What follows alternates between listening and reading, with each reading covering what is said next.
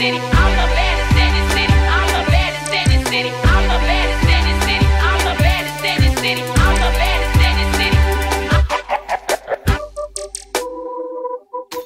הבאות להרצאת הדגל שלי, המהממת שכבר uh, הרבה, uh, רצה זמן מכובד, uh, והיא סדנה שנותנת בעצם בשש שעות הקרובות, אתן הולכות לשנות קצת את ה-state of mind וקצת להבין קצת יותר איך לחשוב כמו אדריכליות, איך לחשוב מה אני ביססתי בעשור האחרון מבחינת אדריכלות, איך אני אה, התפתחתי מבחינה, גם מבחינה עסקית, גם מבחינת התכנון וגם בכלל מבחינת ההוויה, איך ה-DNA שלי בתור אדריכלית השתנה, כי בהתחלה אני אמרתי, יש לי עיצוב מסוים, אחר כך התגלגלתי לזה שאני אראה את זה ללקוחות שלי, מה הן יכולות לעשות, מה הן לא יכולות לעשות, ואז בונים תקציב ביחד, פרוגרמה וכולי. ואז בשנת 2010 חל שינוי, עשיתי תואר שני בבצלאל לעיצוב אורבני, והבנתי שה-DNA, או, נטליה מהממת, והבנתי שה-DNA האישי של כל בן אדם ובן אדם, בין אם הוא מעצב, בין אם הוא אדריכל, ובין אם הוא... ובין אם הוא מעצב ובין אם הוא אדריכל, אה, ובין אם הוא לקוח שרק מתעניין בעיצוב, או לקוחה, אנחנו בחבר בנות, אז זה רק, רק בנות, אה, אף על פי שהיו אמורים להגיע שתי בנים. אה, אז אני מדברת על סדר גודל של השש שעות האלה, אנחנו הולכות להיכנס לאיזה זון אחר, זון חדש, להבין מה זה אדריכלות. להבין איך אנחנו יכולות לשנות את ה-state of mind שלנו, להיות קצת יותר אדריכליות, להבין מה המהות מאחורי אדריכלות נכונה, דיזיין נכון, קונספט, איך אנחנו יכולות לעצב את הבית. מי, מי עושה פה? זה בבקשה לשתק את הפלאפונים. זה, יש לי הפרעת אה, אה, קשב קלה, קלה, קלה, אז אני ממש אשמח למי שזה. מוזמנת. אה, ובשש שעות האלה זה מורכב משלוש שעות הרצאה שלי, שינוי קו המחשבה לעוד מחשבה נוספת שתהיה בשעה 12 עד 1, תגיע מעצבת טקסטיל, תמר ברניצקי, שהיא גם מעצבת בחסד, בחסד עליון, בוגרת תואר ראשון ושני מבצלאל ושנקר, שתדבר על המהות ועל התכנון של קונספט. מה המהות והתכנון של קונספט של השראה מן הים, השראה בכלל. אני השראה בכלל מן הים, השראה מן הטבע, השראה של מה, איך אנחנו יכולות להביא משהו שהוא אחר, שונה מהאדריכלות הקיימת, מהעיצוב הקיים של היום. איך אנחנו יכולות לשנות את ה-state of mind. אז תצללו איתי ככה ותפתחו את הראש, כי um, הגישה הזאת זו גישה שהולכת לצאת בספר, ואתן יכולות לרשום. Uh, הפתעה לכל מי שהגיע. ב-2018 יוצא הספר שלי, שמדבר על תכנון בר קיימא, על פי ארבעת היסודות, ומי שרוצה עותק עם שליח ונצנוצים, מוזמנת לרשום את המייל שלי. שזה רייצ'ל שטרודל רוקסארק.קום ויגיע שליח ב-2018 שיצא גם השקה מאוד מאוד אה, מעניינת שאתם תוכלו לקבל הזמנה אה, במייל. אז אה, זה ככה הפתעה ככה בכיף. רייצ'ל שטרודל רוקסארק.קום, מי שרוצה עותק מהספר שיצא. אני בטוחה שהוא ישנה את פני העתיד בעיצוב ותכנון אדריכלי בר קיימא לדעתי לפחות חמש שנים הקרובות, עד שיפיעו קופי קאטס וישנו את זה ויעשו אדפטציות. אז כל מי שרוצה עותק מוזמנת לשלוח לי מייל ותקבל את זה עם נצנוצים. יש לי חבילה מיוחדת לזה. אז, אה, אז מה אנחנו נגלה בהרצאה שלנו? אנחנו נגלה אחד, אפקט הוואו, איך אנחנו יוצרים אפקט וואו.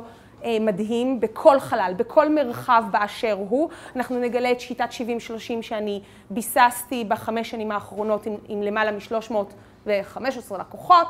אה, מה שיטת 70-30 עושה, מה הקונספט והתכנוני שניתן להטמיע בתור אדריכל, ו... אה, ארגז כלים ללא פשרות, שאתן יכולות עכשיו לצאת ולהבין, גם בתור מעצבות וגם בתור אה, בחורות שמתעניינות והולכות לעשות עיצוב מחדש של הבית, להבין מראש איך אתן יכולות לחשוב כמו אדריכל, ליישם את הכלים בעצמכן עכשיו, ומתוך הנקודה הזאת לבוא ולהיות עם עמדת כוח, גם אם אתן הולכות לקחת מעצב אחר כך, בהמשך הדרך שיעזור ויעשה לכם תוכניות, או הולכות ליישם את השיטה הזאת בעצמכן, או הולכות לפתח על השיטה שלי שיטה נוספת, זה ייתן לכם ארגז כלים מובנה. אז קצת עליי ככה, בכיף, בעלת תואר ראשון ושני בבצלאל. לפני כחודש ניתן להגיד ככה במזל טוב, אני מרצה בכירה בבצלאל ללימודי עיצוב פנים, במכללה, במכללה, לא במכללה, באקדמיה של בצלאל. אז זה ביסוס ככה בסבלנות שנעשה והתבשל, אז אני מרצה לסטודיו מסחרי וסטודיו מגורים ו home styling ו design בבצלאל בפקולטה ללימודי חוץ. אני מרצה, אני קצת פרזנטורית, גם לשמאים, גם לעורכי דין, גם למתווכים. יש הרבה שפיל נחמד. המשרד שלי כבר שמונה שנים מתמחה רק בשיפוצים. אני אוהבת לעשות שיפוצים, כי זה יותר מאתגר מאשר בנייה מאפס. זה מה שאני מתמחה בו, זה מה שאני עושה, זה מה שאני הכי הכי אוהבת בעולם. זהו. אז בואו נדבר קצת על ארכיטקטורה ועל דיזיין בכלל במהות שלנו. מה המהות שלנו? מה, מה ה-DNA שלנו? מה מרכיב אותנו? תרגישו בחופשי ככה לבוא ולדבר, ככה להתפרץ פנימה. כי אנחנו בקבוצה, זו קהילה. אני תכף אדבר גם על הקהילה שלי למעצבות, אבל לא עכשיו, אני אדבר על זה אחר כך. מה ה-DNA שלנו? איזה DNA אנחנו? האם אנחנו אוהבות אה, סגנון כפרי? האם אנחנו אוהבות סגנון אה, מודרני? האם אנחנו אוהבות סגנון, כמו שנמצא כאן, וריאציה אקלקטית מודרנית? איזה סגנון? Hmm? אקלקטי. אוקיי, מהמם. מי אוהבת עוד אקלקטי? אני חובבת אקלקטי. או, אוקיי, סבבה. מי אוהבת מודרני כפרי? מודרני כפרי. למה את אוהבת יותר מודרני כפרי? קווים נקיים. אוקיי, זה שזה משתלב ל-DNA, מעולה. מי עוד?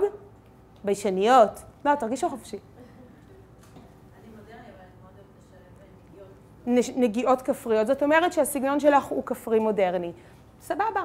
אז זה, אני מדברת על DNA, זה אני למשל, בתור אדריכלית, חובבת סגנון אקלקטי, אני אוהבת סגנון וינטג'י יותר, ואני אוהבת במקביל לזה אוסף של חתולים או אוסף של ינשופים, לכן אני מדברת על DNA כל הזמן, זה המרחב האינסופי של מי אני ומה אני מביאה במרחב הזה אל תוך הבית שלי. המהות והמרחב האישי שלנו מגדיר אותנו בהגדרות פסיכולוגיות, ויש מאמרים מפה עד הודעה חדשה, מי שרוצה לינקים למאמרים של אדריכלות בר קיימא ודיזיין לפי ה-DNA, מוזמנת לשלוח לי מייל ב...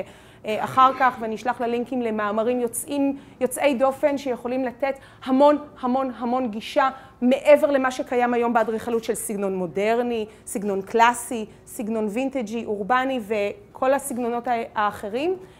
יש משהו שמגדיר אותנו, אותנו, את ה-DNA האישי שלנו. מה מגדיר אותנו? אני רוצה להביא אתכן למצב שאתן יודעות בסט כלים מדויק מה ה-DNA שמייחד אתכן. כי היום, בעידן של היום, איפה הפלאפון המהמם שלי? בעידן של היום, לא שמתי על שקט, בעידן של היום, הדבר הזה גרם לנו לשנות ולהרחיב את התודעה, וגבולות היכולת של העיצוב אינם נמצאות נטו על האדריכל, הן נמצאות גם בגבולות היכולת של כל בן אדם.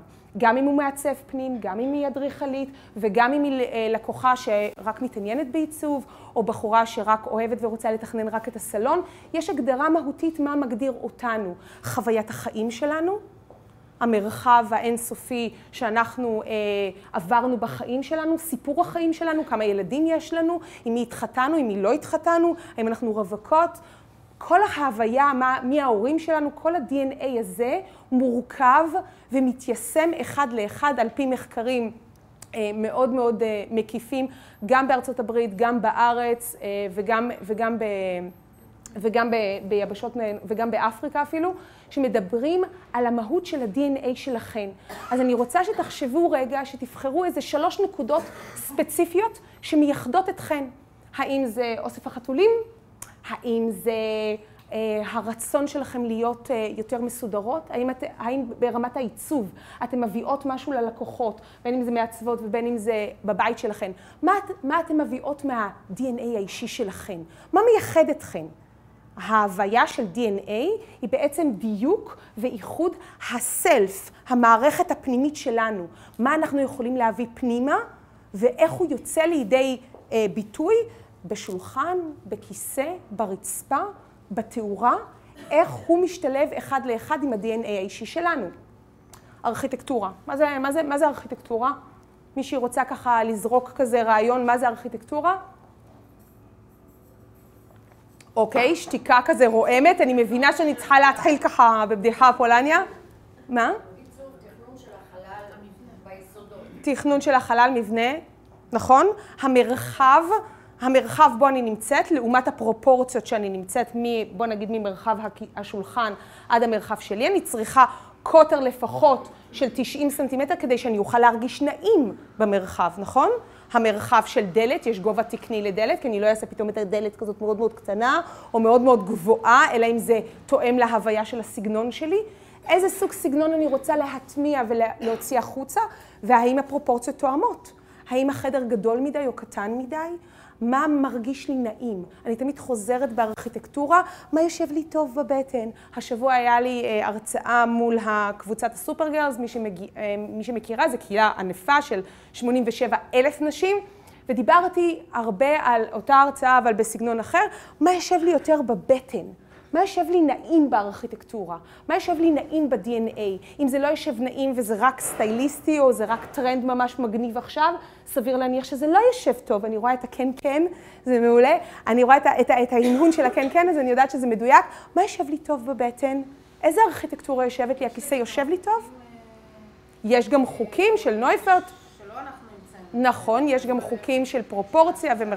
נכון, וגוגל הוא חבר נורא טוב של כולנו, לכן כולנו יכולות להיות אדריכליות ברגע, לעשות גוגל, כמובן לא לבוא ולקצר את עקומת הלמידה ל-11 שנה של לימודים, אבל כן אנחנו יכולות לדעת מה המרחב של כתפיים, מה המרחב של כיסא, מה הפרופורציה הנכונה בין כיסא לשולחן. כל הדברים האלה נמצאים נגישים לכם בגוגל, זה חבר נורא טוב, גם של האדריכלים, גם של המעצבים. התכוונתי, יש אה, פרופורציות שמצאו שבטבע, כן,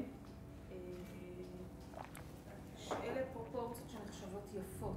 נכון, מעבר לגובה וזה... נכון. אז הפרופורציות הן יחס בין אורך לגובה, כמו בר רפאלי שמדדו את המרחק שלה בין העיניים לבין האף, לבין האף לבין הלחי.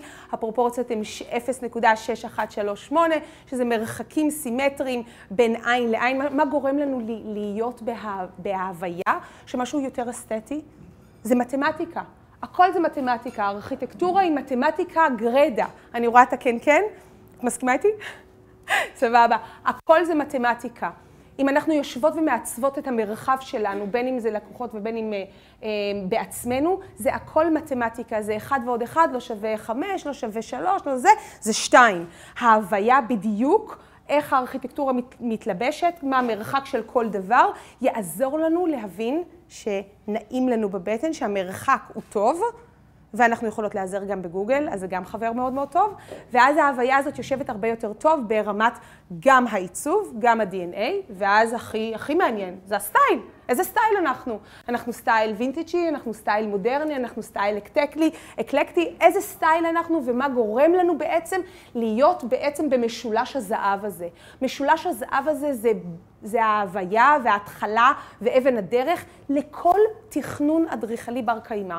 בין אם זה חזית אה, של חנות, ובין אם זה מרחב אה, עיצובי, ובין אם זה מרחב הפרטי שלנו, ובין אם זה רק לעצב את הסלון שלנו, או רק לעצב את פינת ה... אה, פינה, רק את המסדרון, או פינות קטנות. הכל הוא מרחב שטבוי, טבוי על שלושת הפרמטרים האלה.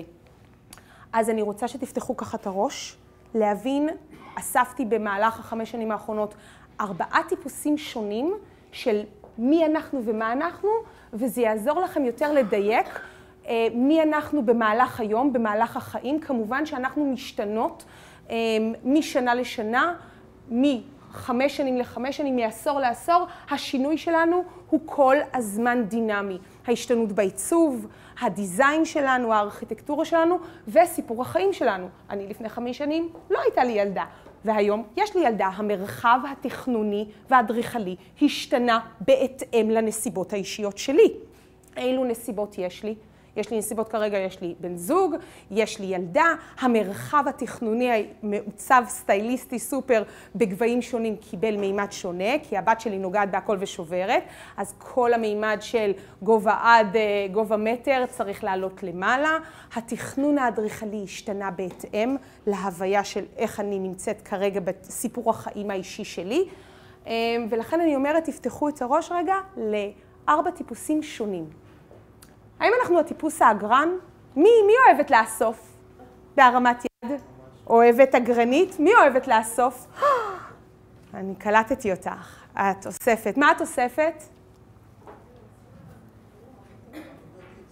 עבודות, עבודות אומנות, יצירות אומנות, אוקיי. מי עוד אה, אוהבת לאגור ולאסוף ניירת של המשרד, טלפונים, כרטיסי ביקור, דבר, אה, בגדים? קופסאות פלסטיק זה גם נחשב לגמרי. למה קופסאות פלסטיק? למה? את אוהבת, את אוהבת לבשל? את מבשלת? את עושה... אוקיי, זה, ה fun שלך, קופסאות פלסטיק. זה. ה fun שלי ספציפית זה, זה אוסף חתולים וינשופים, זה הקטע שלי. בעלי הוא יותר רוסי כזה, זה, הוא לא מרשה הרבה אוספים קטנים, הוא מרשה שזה יהיה רק באזור מסוים, לכן אני בחורה קצת יותר אגרנית, אה, ואני תכף אה, אדבר על זה, איך אנחנו משלבים את ה... אה, את ה... אפשר לכבות קצת את האור? או שלא? לא? לא לכבות את האור, בסדר. ביקשו לא לכבות את האור, אתם רואות טוב? כן, רואות טוב? סבבה. אז הבחור הנחמד הזה אוסף ל- כל חייו רק תקליטים. תחשבו ברמת הצ'קליסט, לפני שאתן מתחילות לעצב, לתכנן לעצמכן או לבן אדם אחר, האם הלקוח, האם הבן אדם, האם אתן אגרניות? מה גורם לכן להיות בעיצוב כזה או אחר, מה הסיפור האישי שלכן מבחינת הגירה. שלום, היי, ברוכה הבאה. Hmm? אה, את אחותה? כן. מהממת, לא ג'ינג'י. הכל בסדר. אז אם אנחנו בן אדם אגרן, אה, בדרך כלל אה, יש אנשים, אנחנו במהלך החיים שלנו בין 10 ל-50 אחוז אגרנים. אוגרים כל מיני דברים, בין אם במטבח, במרחב האישי, בגדים, כל הדברים האלה צריכים לבוא לידי ביטוי בהוויה ובעיצוב האישי שלכם. אמ, אז מה זה אגרן? אגרן זה בן אדם שאוהב לאסוף, אוהב את החוויה, אוהב את המושן של הזיכרון והמשפחתיות. תחשבו אם אתן אוהבות להיות משפחתיות יותר. האם ההוויה והזיכרון שלכן, של משפחה, של הוויה פמיליארית יותר, גורם לכן לאסוף יותר דברים, זיכרונות, תמונות. הוויה בכלל, בסופו של דבר, זה חלק מה-DNA האישי שלכן. והוא בא ומוסף במעטפת של מרחב הבית או המשרד שלכם. הוא חלק אינטגרלי מכן. זאת אומרת שהוא מרכיב עיקרי לעיצוב. ואנחנו צריכים מה? להכיל אותו, לתת לו מקום, כדי שמה? ישב לנו נעים בבטן, כדי שההוויה תהיה חלק מהפרסונל, מהדיזיין, מהסלף שלנו.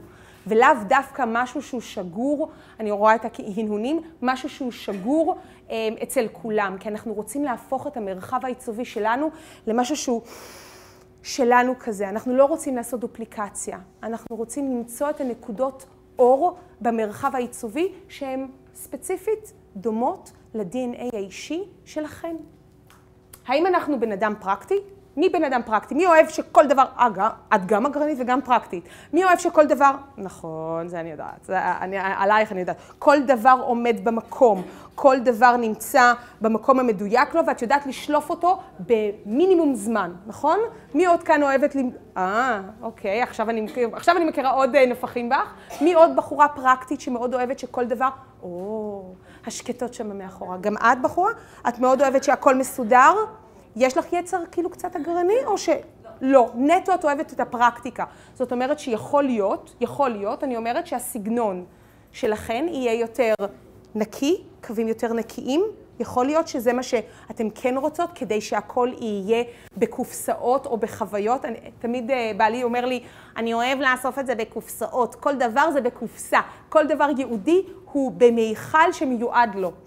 אז לחשוב על זה, זה חלק מההוויה והדיזיין שלכם. תחשבו כמה אתם אגרניות במהלך היום, תחשבו כמה אתם פרקטיות, וכמה אתם אה, אוהבות שכל דבר עומד במקום, ואיך זה משליך על העיצוב. העיצוב עצמו וההוויה עצמה של זה שאתם יודעות שאתם פרקטיות יותר, יכול לעזור בסופו של דבר בעיצוב המרחב כולו. סביר להניח שאם אתן בחורות פרקטיות, אתן מאוד אוהבות יחידות אחסון מסודרות עם הרבה הרבה מגירות או ארונות, אני רואה את ההנהון.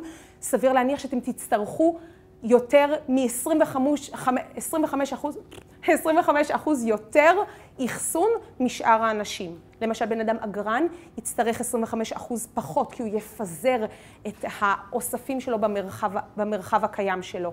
ואנשים שנמצאים במצב פרקטי וזקוקים לאורתוגונליות הזאת, לשתי וערב של העמדה של כל הדברים, צריכים בסופו של דבר 25 עד 30 אחוז יותר אחסון.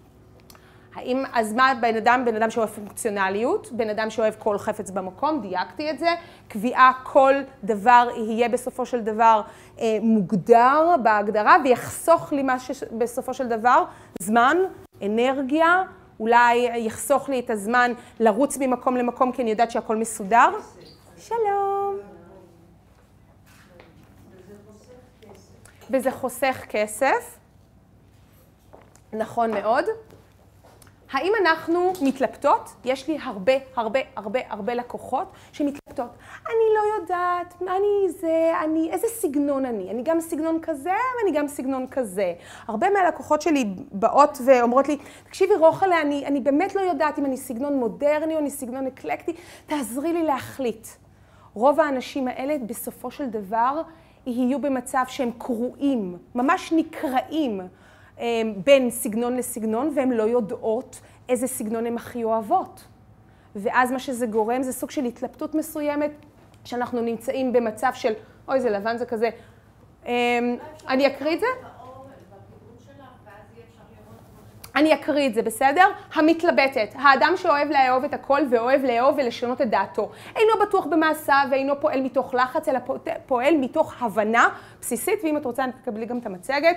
אמ, יהיה חייב לפעול בצורה מסוימת שתגיע לידי פתרון. הוא ירצה את הפתרון, הבן אדם המתלבט ירצה את הפתרון, לא ידע בדיוק מה הפתרון שלו, וסביר להניח בסופו של דבר שורה תחתונה שהוא לא יהיה מסופק, סלש לא מאושר בכלל. כלומר, התוצאה הסופית תהיה X, ואז בסופו של דבר יהיה איזה צוואר בקבוק ונעצב את כל החלל, והוא יהיה פחות, אני רואה את ההנהון, יהיה פחות מרוצה. למי יש אה, ככה חוסר שביעות רצון ממשהו X? או. ספרי לי, רגע. אני אוהבת כאילו קצת מכל סגנון. אוקיי. השילוב שלהם הוא לא, לא תמיד הולך, כאילו הוא לא תמיד נכון, אז נגיד שאני מסתכלת בפינטרסט על כל מיני סגנונות, אז נראה לי פה, אבל זה יותר מדי, כאילו, אני אוהבת קצת מהכל. קצת מהכל. זאת אומרת שאם אנחנו יכולות לעזור לך לעצב את זה בתוך תבנית מסוימת, כדי לעזור לך לעצב את זה כראות עינייך ב-DNA האישי שלך, את צריכה לקחת שלושה גורמים שהם מהותיים ב-DNA האישי שלך, ולהבין איזה סוג מתלבטת את. האם את מתלבטת בין שתי סגנונות ולעשות רשימה של פרוז וקונס, מה עובד יותר טוב, ואז לעומת זה לראות ממש בשחור על גבי לבן מה מנצח, או לחילופין, לראות הדמיה של מרחב X ומרחב Y, ומה יושב יותר טוב בבטן. התחושה הזאת של המרחב הקיומי, מה יושב לי יותר טוב בבטן, הוא אחד מאבני היסוד שגורמים לעיצוב נכון, בר קיימא, גם אצל לקוחות, גם אצל כל בן אדם. אצל כל בן אדם, לא משנה אם הוא מעצב או אה, עכשיו עומד לפני שיפוץ הבית ועיצוב הבית, שיושב לי טוב בבטן. ההוויה הזאת יכולה לעזור ולדייק את גבולות הגזרה של להבין מה הסגנון האישי שלכן. אמ, אז הסטייליסט, הבן אדם שהוא סטייליסט, סופר סופר סופר סטייליסט, הופה, זבוב. אמ, הסטייליסט זה בן אדם שבדרך כלל, הופה, הופה, הבן אדם שהוא סטייליסט, אני בדרך כלל משאירה את זה ככה ריק, זה בן אדם שאוהב הכי טרנד, הכי טרנד של היום. מה הכי טרנדי? מי יודעת מה הטרנד הכי חם עכשיו ל-2018? סלף, נכון. מה עוד? שחור לבן וירוק, נכון. וצהוב, צהוב חרדל תמיד נשאר איזה סוג של אה, משהו שהוא תמיד נשאר אינסופי, הוא כזה תמידי ונצחי. בעיצוב, כן, בעיצוב. מה הכי טרנדי ל-2018?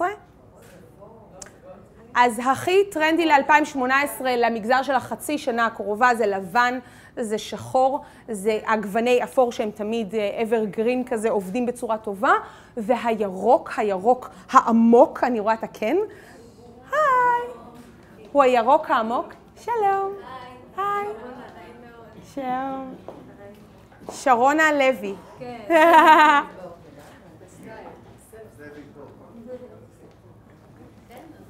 אז הלבן, הירוק, הגוונים העמוקים של הכחול הם גוונים מאוד מאוד חזקים, הגוונים העמוקים, וכמובן כל גוון שהוא אה, מקורי, שיושב על 80 אחוז שחור. זאת אומרת, אם אנחנו נסתכל על שחור, נוריד ממנו שני טונים למטה, הוא יתחיל להיות קצת עפרפר.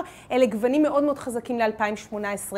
הכרה של מרחבים נקיים ומרחבים יותר ברורים, הגדרה של איזה מרחב אנחנו נמצאים בו ומה אנחנו יכולים להכיל בו, יהיה הטרנד הכי חם לשנת 2018, מעבר לירוק, לבן crispy וירוק אה, ירוק כזה, עץ Christmas כזה. אז אלה הגוונים הכי הכי הכי חמים ל-2018 למי שרוצה לעשות home styling ובכלל לאגד את זה עם טקסטורות של קטיפה. אלה טרנדים סופר סופר חזקים ל-2018. הם יושבים אה, בהלימה עם עיצוב והוויה אישית, וחלק מהטרנדים האלה הולכים לקחת אה, מדרגה הבאה וללכת לעומי, לעובי הטקסטורות של קטיפה, של בטון חשוף, ולהביא את הצבעים האלה מאפור, לשלב אותו עם מרקם של ירוק, של כחול, של אדום חזק, הטרנדים הכי חמים. אז איזה, איזה סטייל אנחנו? אנחנו צריכות, לפני שאנחנו מתחילות ככה, אני תמיד אומרת, לפני שאני מתחילה עם כל הלקוחות שלי, אני אומרת, בואו נבנה טבלה. מה הטבלה שלנו? האם הטבלה שלנו יושבת על, כמובן על ה-DNA האישי שלנו? איזה בן אדם אנחנו המתלבט? האם אנחנו בן אדם אגרן? האם אנחנו בן אדם סטייליסט? מה יושב ב-DNA? ואז להבין איזה סטייל בא לנו. האם אנחנו אוהבות סטייל גרנג'י יותר? האם אנחנו אוהבות סטייל היפסטרי עם אננסים וסטייליסטי? משהו שהוא יותר כאילו יושב בהלימה לטרנד של 2018-2019? אנחנו רוצות איזה קיר שכולו קטיפה ירוקה? ההבנה של מה אנחנו הכי אוהבות, שוב, יושב בהלימה בטוב בבטן, הוא חלק האבן יסוד להתחיל את העיצוב. זאת אומרת שאני תמיד מתחילה תכנון לעיצוב הבית והמרחב וה, והסלון שלי, אני תמיד מתחילה עם דף ועט. לכן קיבלתם את המחברת ואת, ואת העיפרון ואת העט המהמם הזה. כי הכל מתחיל מנייר וכתיבה של התכנון ההתחלתי, לפני שהוצאתי שקל. אני לא רוצה שתוציאו שקל אחד על עיצוב לפני שאתן מתחילות קודם כל להבין מה אתן הכי אוהבות. להבין ולאסוף מאגר של חמש, של שלוש, של עשר תמונות שיושבות לכם טוב בהוויה, גורמות לכם חיוך. האם אנחנו בחורות צבעוניות? איזה צבע אתן רוצות הכי לייצג בבית? האם זה בא מתוך הריהוט הקיים שלכן, או מתוך ריהוט חדש לגמרי? מי הולכת למשל לעצב את כל הסלון לגמרי? לא? אוקיי. אבל חושבות על זה? בוא נגיד, אם יש לי ספה אדומה, סביר להניח שאני לא יבוא וישים כאן איזה כורסה חומה לידה. סביר להניח שאני אבחר צבע שהוא ניגודי, שהוא ישלים את ההוויה. אז תעשו רשימה מדויקת, מה המצב הקיים, מה הפרוגרמה, מה התכנון המדויק עבורכן, הן מבחינת הריהוט הקיים והן מבחינת הריהוט החדש.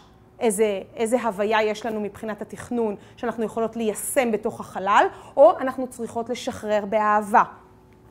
האם אנחנו יותר מונוכרומטיות? יותר אפור, לבן, שחור, קווים אחידים, בטון, עץ.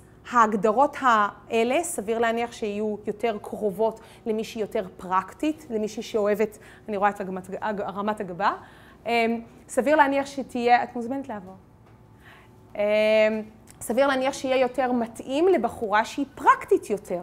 הבחורה הפרקטית יותר תאהב יותר להיות עם קווים יותר מונוכרומטיים, ותאהב אולי לזרוק צבע ירוק או צבע חרדל או צבע כזה או אחר, שייתן הזרקה והברקה של אור, כדי שזה יהיה בסטייל מסוים שהיא רוצה, אבל לאו דווקא תשב ותפרס את כל הבית, למשל בצורה כזאת, נראה קצת over דרמטי.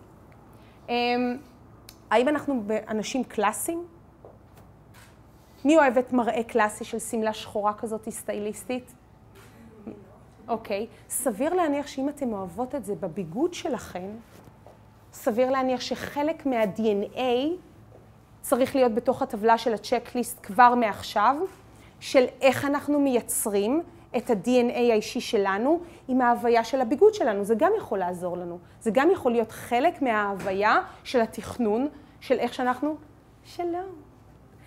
וסביר להניח שזה יכול להיות חלק מההוויה והתכנון. אוי, יש לנו עכשיו אה, גבר, אז אנחנו... יש לנו, אוי, יש, לנו שני גברים, אז אני צריכה לדבר ברבים, בסדר. האם ההוויה וה... והאם ההוויה הקלאסית, למשל, אני מאוד אוהבת גראנג' אורבני, סביר להניח שחלק מהבית שלי הוא גראנג' אורבני. בעלי קצת פחות אה, מסתדר עם הדבר הזה, אבל בסופו של דבר אני יכולה לבוא ולעשות אדפטציה. המטרה היא בעצם, גם אם אנחנו נמצאים עם בני זוג, אה, להבין מה ההוויה האישית שלנו. בדרך כלל אני ממליצה ללקוחות לשבת ביחד עם הבן זוג, הבת זוג, לבדוק מה קיים לנו במרחב שלנו, ואיך אנחנו יכולות להכיל בפנים את ה-DNA האישי שלנו, איזה סטייל יש לבן זוג, והאם יש לו say.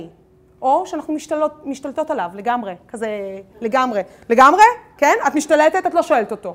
מי, מי שואלת ככה את הבן זוג ככה, אולי זה, לא, ממש לא, בסדר. כן, אני אגיד לכם מה, בהרצאה הקודמת אה, היו לפחות איזה שלוש בחורות שאמרו, אני. בהפסקה הם אמרו לי, כן, אני מתחשבת בבעל, כאילו בקצת, כאילו ממש בקטנה, כדי שיעזור, שהוא ירגיש שהוא חלק מההוויה והעיצוב של הבית, כדי שהוא ירגיש חלק שהוא יוכל לפתוח את הארנק יותר וזה. אה, ולקנות כאילו את כל הדברים שאני הכי רוצה, ואת הספה ב-20 אלף שקל של נטוצי, שממש ממש בא לי. אז להבין איזה סטייל אנחנו, ושוב, אם אנחנו מדברות, אני למשל בחורה מאוד מאוד אגרנית, ובעלי הוא בחור נורא פרקטי, הוא מאוד אוהב, רומן רוסי, אם אתם לא זה, מאוד אוהב שהכל נמצא במקום שלו, המגבת נמצאת פה, הנעליים של הבת שלי רומי נמצא למטה שמה, אני לא רוצה שזה יזוז ימינה ושמאלה, צריך להיות ככה וככה. אז איך יצרתי איזון? איך יצאתי מערך של איזון למי שרוצה, לבחורה היחידה שרוצה, או אה, אה, היחידת, אה, יחידת סגולה זה רק אני, אני דואגת בעצם להבין שהוא פרקטי, ואני בחורה מאוד מאוד אגרנית.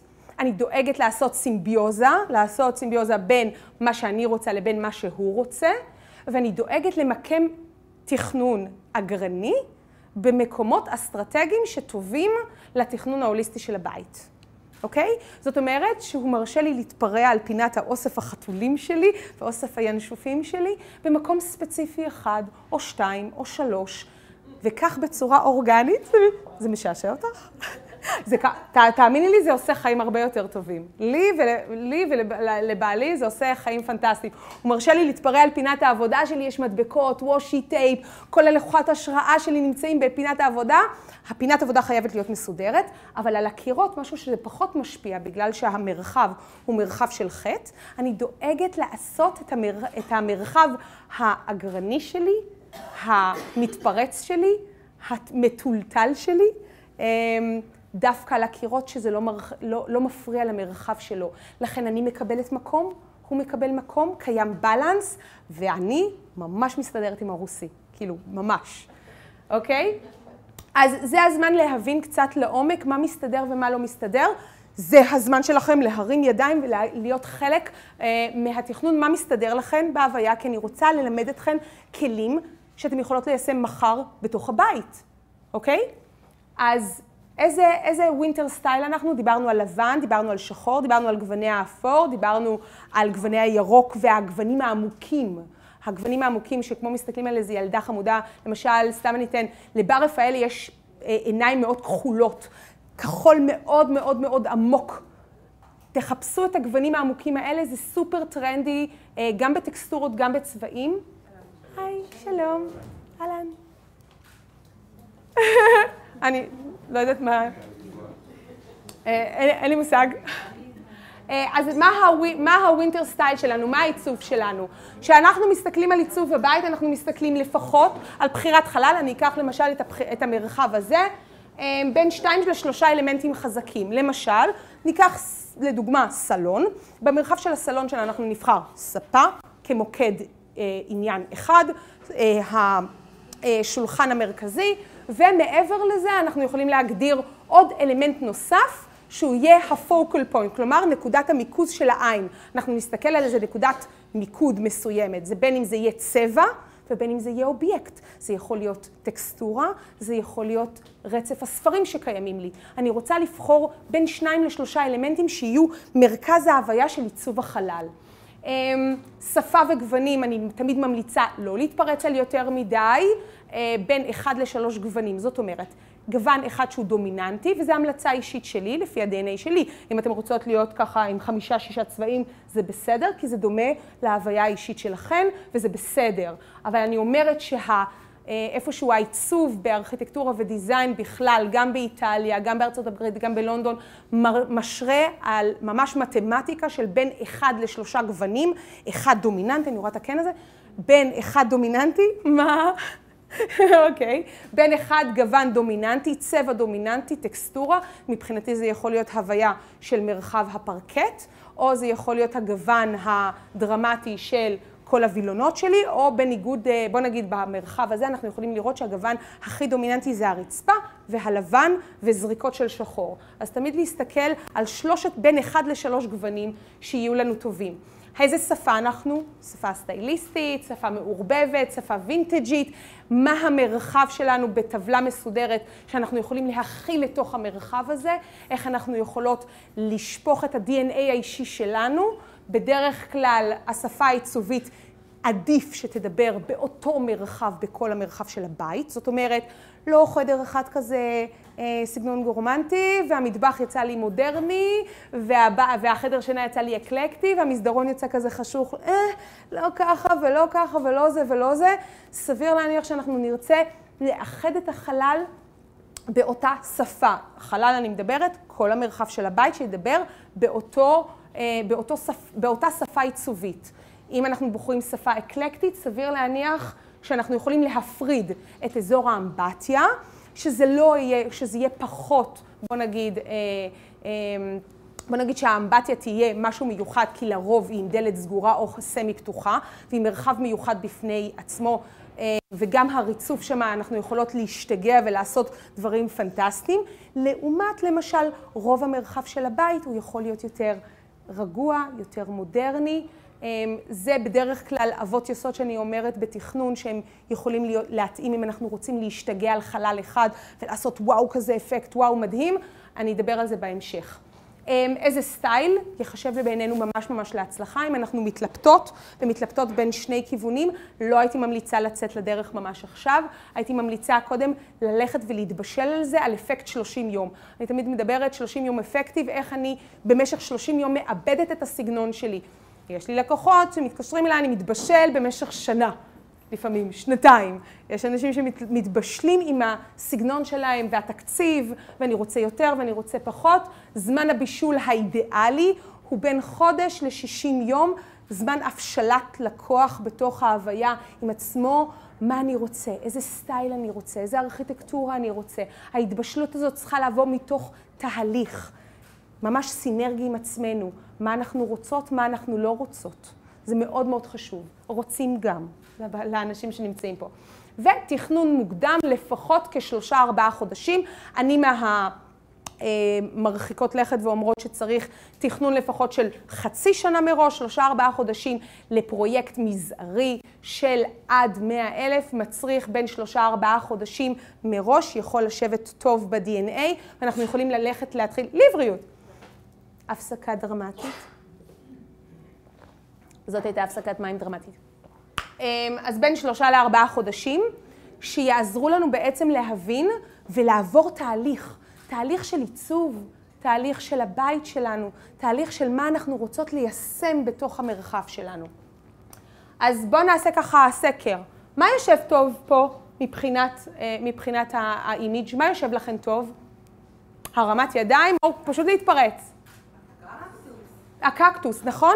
כי הוא מה הוא נותן לנו? מרחב של גלגדות כזה? נותן לנו מרחב שאני גבוהה יותר לעומת המרחב היותר תחתון של שולחן, ה, של שולחן האוכל, נכון? אנחנו תמיד רוצות לייצג במרחב שני מימדים, מרחב הרוחב ומימד האורך. אני תמיד קוראת לזה, בא לי נורא נורא נורא להיות כזה גלגדות כזה, נורא רזה כזה, והחמש קילו שלא הצלחתי להוריד מהלידה, אז כאלה דברים. בא לי נורא להשתמש במרחב לכל אורך. כדי שאני, כדי שאני אוכל ליישם את כל ההוויה ואת כל התשוקה שלי ואת כל הפשן שלי לרוב המימדים, גם במימד הרוחבי וגם במימד האורכי. אז נכון, מה לא מסתדר פה? בוא נהיה אדריכליות רגע. מה לא מסתדר במרחב הזה? עומס. עומס, נכון, עומס. היי. לא, זה למעלה. מה, מה, מה, מה לא מסתדר? דחוס.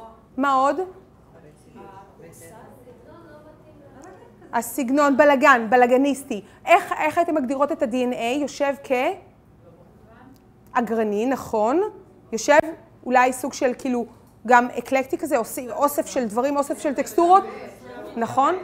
אפקט של אחד עד, אפקט של אחד עד שלוש גוונים, לא מי יודע מה עובד פה, נכון? בערך, נכון. אז צדקתם. יש פה רצף של, תמונ... יש פה רצף של מנורות שהן יותר מודרניות, יש רצף של טקסטורות, גם עם הספות שמראה תחושה יותר כאילו אורבנית, עם כריות שהן תחושה יותר כאילו וינטג'ית ואותנטית. יש פה עירוב תבשילין לא מסודר. ומה, ומה המרחב הזה מספר לכן? איזה סיפור הוא מספר לכן? האור. אני לא יודעת איפה, לה, לה, לה, לה, אני, אני לא יודעת איפה להזיז את זה. עדנה, תוכלי לעזור? לא. הצלם לא מרשה לי. אני, אני מביאה לכם את ה... אמ,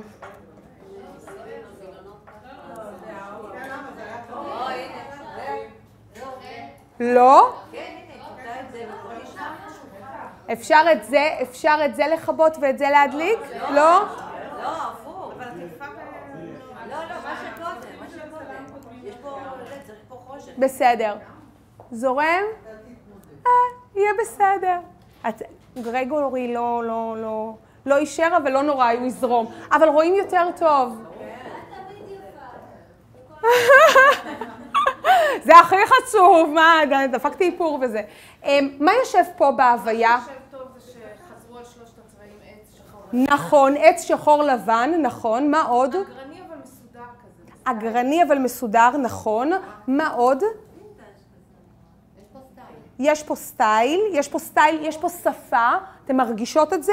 אתן מרגישות בבטן שיושב פה איזה משהו מדויק יותר? נכון? אז בהוויה הזאת אנחנו בחרנו, באמת יש פה, אמ, זו תמונה שאני מאוד מאוד אוהבת, כי יש פה מובהקות מאוד על שלושה גוונים עיקריים. על שחור, על עץ ועל לבן, וזה חוזר בווריאציות שונות, בסיפור שונה. אם תסתכלו על המרחב האישי שלכן, אני אתקרב לפה, גרגורי, אתה רואה אותי? סבבה? יופי. המרחב האישי, אני מצטרפת ככה. אני עלת. בבית קשה מאוד ליישם, אבל אה, אה, לחזור בדיוק לצבעים האלה. במקום כזה אפשר. בבית שיש את החפצים האישיים ויש את זה, זה מאוד מאוד קשה לכן אני... לשמור על זה. לכן אני חוזרת בחזרה ל- לספר שלי. קודם כל, לבוא, לפתוח את הספר ולכתוב קודם כל מה יש לנו, צ'קליסט קיים לעומת מה המצב שלנו שאנחנו משמרות ומה המצב שלו. בכל בית יש חפצים שאנחנו משמרים ויש חפצים שאנחנו משחררים באהבה. ואנחנו צריכים לדעת את המרחב העיצובי כדי שיהיה לנו את מה שאנחנו רוצות, לדעת ולאזן בין, בין המצב הקיים לבין המצב החדש. הרי לא ייתכן שכל פעם שאנחנו מעצבות את הבית, אנחנו נעשה total loss, נזרוק את כל הבית מחדש. נכון? לפעמים יש חפצים שאנחנו רוצים לחדש את הצבע, לחדש את הטקסטורה, לעבד את החומר מחדש. יש לנו כיסא לבן, אנחנו יכולות להפוך אותו לשחור נורא בקלות. את הרהיטים כן, אבל יש את החפצים של היום-יום של הבית, ש... שהם, ברגע שמוסיפה פה רק עוד צבע, זה כבר הפכת את זה גם למבולגן וגם לצבעוני.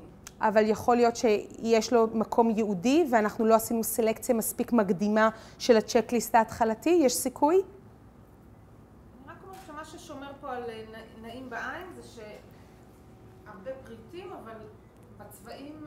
אבל שימי לב, שימי לב שכל הפריטים באשר הם, גם אם בחרו לעשות עם, עם גוונים נוספים, עדיין בסופו של דבר שמרו על אחידות מסוימת. אז המטרה שלנו בעיצוב זה בסופו של דבר גם עם החפצים של היום-יום, לדעת ליישם אותם ולהחביא אותם ולהצניע אותם במרחב שאנחנו אה, רוצות פחות לגלות את זה. ואת האוספים שלנו לבוא ולתת להם מרחב.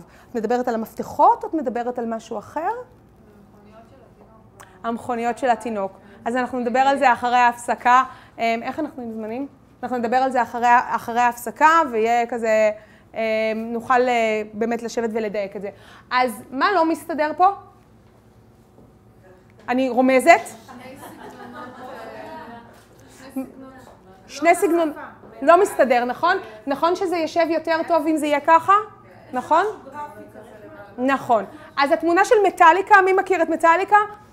התמונה של מטאליקה פחות עובדת טוב. למה היא פחות עובדת טוב? כי היא לא מדברת באותה, באותה שפה.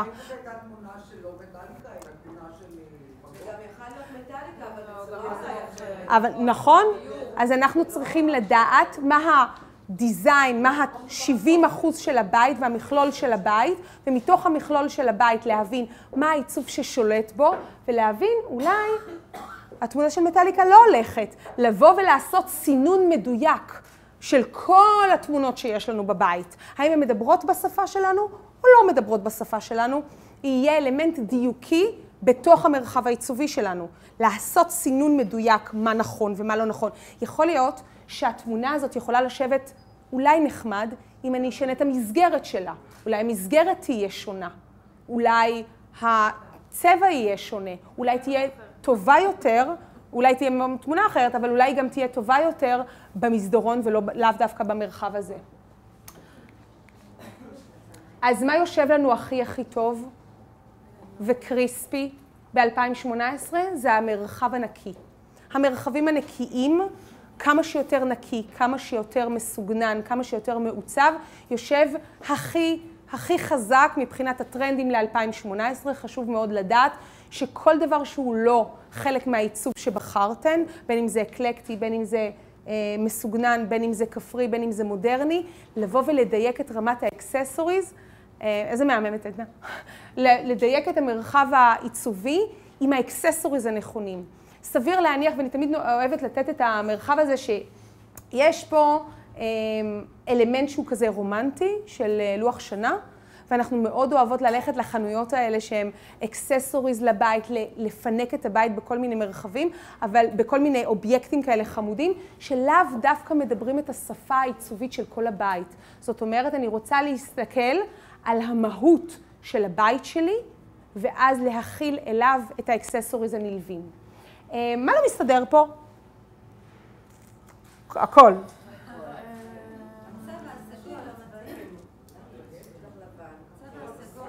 אין פרופורציה. קשה לדעת, זה פשוט לא זה. כן, אה? שזה לא זה. מה לא מסתדר? ה-S. סביר להניח שהמערכת אה, GVS הזאת, האנטיקה, לא מסתדרת. סביר להניח שהבונזאי הזה מדבר שפה יותר יפנית, הוא פחות מהווה את זה, נכון? אמ, הכחול המשתלב, פיקאסו משתלב פה? כן? חלק כן, חלק לא. למה כן ולמה לא? בואו ננסה להבין לעומק למה כן ולמה לא. לדעתי משתלב בפיקאסו בגלל הקווים יחסית ישרים של הציור עם הארונית הישרה הזאת והקלסרים וזה. אוקיי. כאילו. חוץ מהעץ, והמערכת, נכון? המנורה גם לא מתאימה. המנורה היא ארט, היא, ארט דקו, היא יותר כאילו, היא יותר אה, אה, גוון דרמטי מדי. וגם הצעצוע, נכון? יש את הצעצוע הנחמד הזה שגם לא משתלב. צריך לדייק, אם אנחנו מסתכלים ואנחנו רוצות לצאת ולהיות אדריכליות, אם אנחנו רוצות לבוא ולעצב את החלל, אנחנו צריכות להעמיד את המרחב, בין אם זה בסקיצה ידנית, בין אם זה להעמיד ציורים אחד לצד השני, כדי להבין אם המרחב הזה מדבר, הכל צריך לדבר באותה שפה, בשפה העיצובית, בשפה התכנונית, בצבא, בשפה של ה-DNA האישי שלכן. איזה אוסף יש לכן? למי יש אוסף חתולים? אין? זה רק אני? טוב, בסדר. מה משתלב מצוין במרחב הזה, שזה חלק מהטרנדים הכי חמים, אה, הגוונים העמוקים לשנת 2018? הקיר, נכון? זאת אומרת שאם אנחנו רוצות להרחיב את המקום, לתת עומק, לתת מצב של דרמה, אם אנחנו בחורות נורא דרמטיות, בכוונה בחרתי כל מיני סגנונות כדי שזה יתחבר לכל הסגנונות שלהן. מה המרחב הזה מספר לכן? איזה סיפור הוא מספר? רציני, נכון, הוויה של משרד, הוויה של בן אדם שיודע מה שהוא רוצה. סגול וכחול, זה, זה, זה, זה קווים יותר עמוקים, נכון. מה עוד? כל הריהוט כאן הוא מאותו טיים. מה יושב פחות? בואו נהיה ביקורתיות. מה, מה יושב פה פחות? הצבע עץ לא מתאים? מה היית שמה? לבן, אוקיי, יופי. ואז זה היה מה? מקפיץ את הכחול, נכון? זה היה גורם למקום... נכון. מעולה. מה עוד? היית חושבת שאת מסתכלת על כל האלמנטים האלה, היית אומרת שזה מיותר, או היית שמשחררת את זה?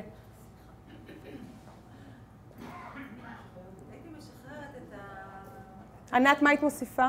מה היית, מש... היית משחררת חלק?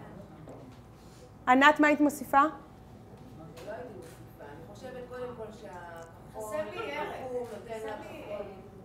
לא, החום פה בתמונה נותן את החום לכחול שחסר לנו ממנו לפעמים. מהמם. ויש הכל מסודר, הכל כאילו זה מסודר.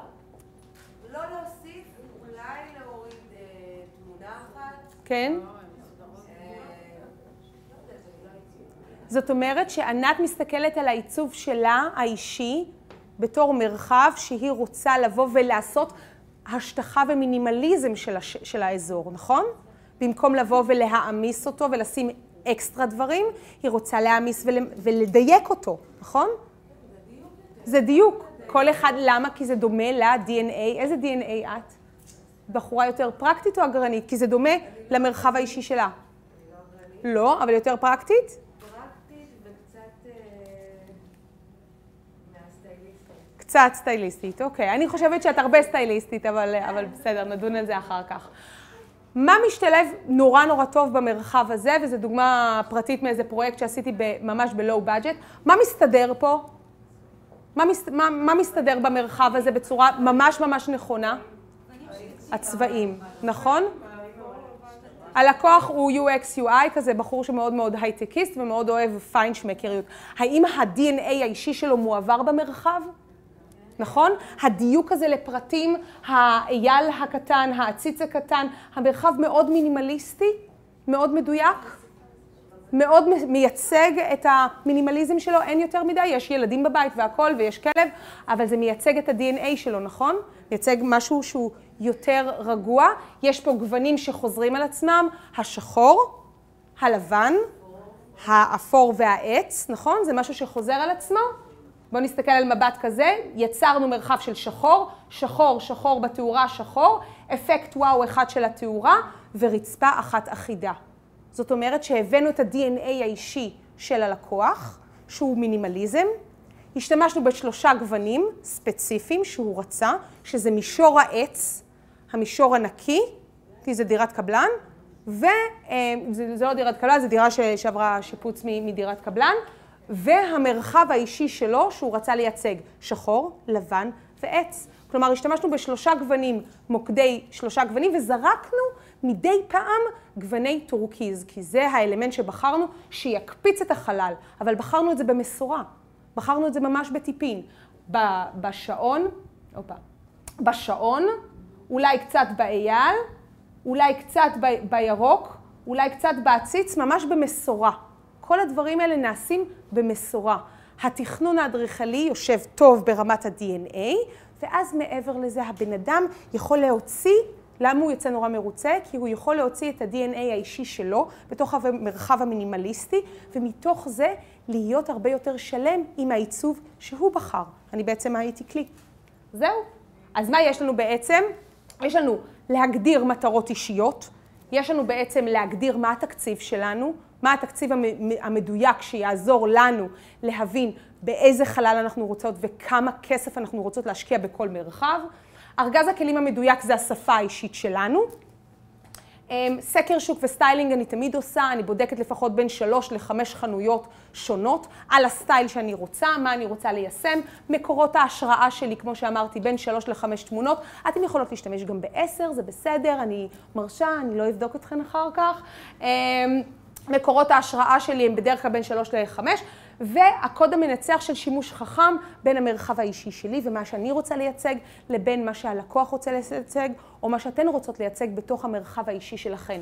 להשתמש בכלים האלה ולכתוב את הכלים האלה ולדייק את הכלים האלה, זה חלק מהאבות היסוד בעצם, שיעזרו לכם לתכנן את המרחב שלכם כפי שאתן רוצות, בהלימה לתקציב. כי אם אין תקציב, אז כולנו רוטשילד, ואז הכל כאילו מאוד מאוד מהמם. אז מה המטרה שלנו? איזה מטרה אנחנו רוצות? אנחנו רוצות לרענן, אנחנו רוצות שהמרחב יהיה ישן, חדש, אנחנו רוצות שילוב לבריאות. אנחנו רוצות שהמטרה שלנו, מה יהיה ה-DNA והביטוי האישי שלנו, ופה הוא נכנס פקטור מאוד מאוד נחמד, שזה חלק, חלק מהשיטות שלי, שזה שיטת 70-30, שמדברת על 70 אחוז וואו פקטור, שהוא או הסלון, או האמבטיה והסלון, או המטבח, בדרך כלל זה הרבה הרבה המטבח והסלון, והמרחבים האישיים, בין אם זה האמבטיה, בין אם זה מרחבים אחרים. תבחרו מרחב שאתם רוצות למקד בו את פוקוס האנרגיה מבחינת התקציב. זאת אומרת, שאם התקציב יהיה הסלון, אם התקציב יהיה הסלון והאמבטיה, תמקדו את רוב התקציב, רוב האנרגיה, רוב המשאבים והתכנון למקומות האלו. לא ללכת ולחפש את זה גם במסדרון וגם בחדר השינה וגם בזה וגם בזה וגם בזה, זה פחות יושב בהלימה, ואז מה שנקרא מצאת מרובה לא מצאת, התכנון הולך לאיבוד, הדיזיין וה-DNA שלכם עובד פחות טוב, ואז בסופו של דבר אמ, העיצוב לא נמצא בהלימה לתקציב. אמ, אז יחס 70-30 דיברתי על זה, אני תמיד שמה לי 10% מקדם הגנה לכל עיצוב שאני עושה, 10% אפילו לפעמים 15%, זה תלוי בבן אדם, אני תמיד שמה 10% של אם ראיתי איזה אובייקט כזה או אחר, אם ראיתי רהיט כזה או אחר, אם ראיתי קרמיקה מהממת או פרקט מדהים בצורה כזאת או אחרת ואני לא יכולה לוותר עליו, סביר להניח שאני אקנה ספה יותר זולה. סביר להניח שאני אקנה תאורה יותר זולה, אם אני לא רוצה לוותר על הפרקט המהמם הזה, שייתן לי את המרחב. כמו שראינו בתמונה הקודמת, קנינו פרקט סופר סופר יקר, ועל שאר הדברים ויתרנו. כי אז יחס 70-30 נותן לי את הוואו פקטור, כי נתנו את רוב האנרגיה לאזורים הציבוריים. אז תחשבו בסופו של דבר, בסוף יום, אמ, איפה אתם מבלות את, אה, את היום שלכם במרחב הקיומי? האם זה באזור של הסלון? האם זה באזור של פינת אה, האוכל, האם זה במטבח, האם אתן אוהבות הרבה הרבה לבשל, האם אתן אה, אוהבות הרבה להיות בכביסה. אני, אני מאוד אוהבת לעשות כביסות. אני מאוד מאוד מאוד אוהבת לעשות כביסות, ומרפסת השירות שלי, והבדין והזה והאריאל, זה, זה המקום האהוב עליי. לא יודעת למה אני אוהבת כביסה. את, ה, את, ה, את הריח הזה, זה פשוט, אני שמה, הצבתי, גם את? את כל המרחב הצבתי כזה בהתאם ל-DNA שלי, שיהיה לי את כל סוגי הבדין, ושמתי את כל סוגי ההפרדות בין אפור ללבן, הצבעוני והלבן לבת שלי. אני אוהבת את זה בסלסלות מעוצבות שנמצאות על לבן, אפור ושחור. אני מאוד מאוד דואגת ליישם שחלק מהתחתונים והגרביים יהיו בסלסלות אה, מדויקות. זה חלק מה-DNA האישי שלי. שאר הבית נתנתי DNA אחר, נתתי דגש אחר. אבל זה אני, אני אוהבת כביסה, מה לעשות? לא, יש לי דווקא אה, אה, אה, מרפסת שירות סטנדרטית, רוחב מטר עשרים, על שתיים, על שתיים, על שתיים שבעים, כאילו מאוד, לא לא שתיים שבעים, שתיים ארבעים, מאוד סטנדרטית, מאוד כאילו שום דבר לא זה, אפילו שתיים שלושים אני חושבת, עם הדלת והמפתח. דאגתי שם לסדר את האלמנטים כפי שלי יהיה נוח, שידברו את השפה שלי, שלי יהיה כיף להיכנס לחלל. אז מחקר שוק וסטיילינג, אני תמיד בודקת מה הטרנדים הכי אה, קרובים לשפה ול-DNA האישי שלי. אני תמיד דואגת לרשום את זה, אני תמיד דואגת לקחת תמונות ולקחת השראה ופרינט סקרינים, בין אם זה מפינטרס, בין אם זה זה. זה לא, זה לא באמת משנה, בין אם זה מחברות, בין אם להרים טלפון, שלחי לי וואטסאפ איזה תמונה נורא נחמדה. אני תמיד דואגת לעשות מאגר תמונות ותיק עבודות שלי טוב לבוא וליישם את האדריכלות כמו שהיא. כל פעם מחדש, על כל מרחב, על הסלון, על הפינת אוכל, על המטבח, על האמבטיה. מי, מי, מי מי? אוקיי, תאורה. תאורה זה אחד מהדברים הכי חשובים שיכולים להרים ולהפיל מרחב. אנחנו תמיד צריכות לחשוב על תקציב של אה, תאורה בין 10 ל-17 אחוז מהתקציב כולו. זאת אומרת שאם המרחב, אם התקציב שלנו במרחב שבחרנו הסלון, יהיה סדר גודל של, סתם לדוגמה, 100, אז אנחנו נשים סדר גודל בין 10 ל-15 אחוז, סתם 100 אלף או לא משנה, או 100 שקל, נשים 10 או 15 אחוז מתוך ההוויה של התקציב עבור התאורה. אני ממליצה תמיד על תאורה חמה, אני תמיד ממליצה, היום יש יועצי תאורה פנטסטיים שיכולים לעזור. תמיד להשתמש בשתי אפקטים, אפקט של מה שנקרא אווירה, לעומת פונקציה. למשל כאן יש פה תאורת אה, פונקציה שמאירה את המרחב באופן, באופן נעים, ויש תאורת אווירה נחמדה שנותנת הקרנה על הבופה הנחמד שתכף אתם אה, תחגגו עליו, על, בצדדים. תמיד להסתכל על זה ביחס של פונקציה של תאורה תמיד נע על מרחב של פונקציה, מה אני מבשלת, מה אני עושה, כדי להאיר את כל המקום, שנוכל לנקות ספונג'ה כזה נחמד והכל. ומהצד השני, אני תמיד מסתכלת על תאורת אווירה, מה עושה לי וואו, ואני אתן אחר כך דוגמאות. אז חמשת היסודות הכי חשובים לתכנון הבית שלכם, אמ, לפי תכנון אחד הוליסטי של ה-DNA, שתיים לפי הוויה מבחינה תכנונית ומה אתם מבחינת ארכיטקטורה ודיזיין. אני אתן רצף של דוגמאות שעשיתי את זה בסקייל הרבה יותר גדול, אמ, אבל אתן יכולות להשליך את זה לתוך המרחב הקיומי שלכן, גם אם אתן מעצבות וגם אם אתן אה, משפצות. אז יצא לי חרוז נורא נחמד לעיצוב הוליסטי ושלם. שימו לב שזה שום דבר מתוך זה, זה לא התכנון שלי, זה רק להשלים את החוויה האינטגרלית של הלקוח עצמו. זאת אומרת, הלקוח החליט מה שהוא רוצה, ואני רק עזרתי לו ליישם את המערך האדריכלי והעיצובי. אז אחד מהפרמטרים הכי חשובים זה אחסון. מי אמרה שהיא בחורה ממש פרקטית? מה, מה... אוקיי, אז רמת האחסון נורא, נורא חשובה להבין שאנחנו צריכים סדר גודל של בין 5 ל-10 קוב מכלול של ארונות שיוכלו להכיל את מה שאנחנו רוצים. הן אם אנחנו מעצבים ומשחררים חלק מהדיזיין וחלק מהדברים הקיימים שלנו, ואנחנו מוסיפים דברים חדשים, ואיך אנחנו יכולים לקחת ולהפוך את המקומות המאפנים האלה בבית, העמודים, כל המקומות והנישות הגלויות האלה שאנחנו לא יודעים מה לעשות איתם, אלה המקומות היהודיים ברמה התכנונית, ברמה האדריכלית, שטובים להכיל עליהם ולעגן בתוכם אחסון. למשל, פה אין ספציפית בניגוד לזה, אבל אם אני מסתכלת על מקומות שהם פינות, או מקומות שהם עמודים, חפשו את המקומות שהם עמודים בבית שלכם כדי לעטוף אותם במרחב של אחסון, בין אם זה אחסון גלוי, בין אם זה אחסון אה, אה, אה, אה, סגור אה, ושאינו גלוי. חפשו את המקומות האלה שיכולים לעזור לכם בסופו של דבר להכיל אחסון שהוא בוא נגיד, מצניע את הדברים שאתם לא רוצים להוציא החוצה. אז כאן יש לנו דוגמה. כן? מה? אין עמודים בכלל? קודם כל לא שמעתי על דבר כזה, מה זה, זה רפסודה פתוחה? לא, בית שאין עמודים באמצע. כן.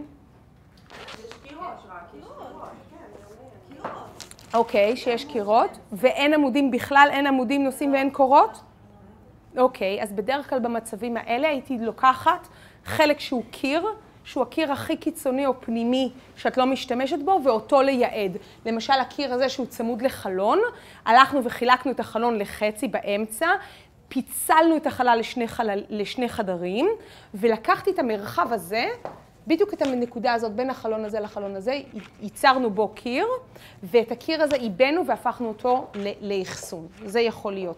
ספציפית, אם יש לך תוכנית, אני אשמח כאילו לעבור איתך אחרי זה, כי סביר להניח, אני מאמינה שאין כזה דבר שאין עמודים בתוך דירה, או קירות נושאים, אה, אה, או לחילופין שיש אה, וריאציות אחרות של אינסטלציה, או מערכות שאת יכולה להצניע בפנים.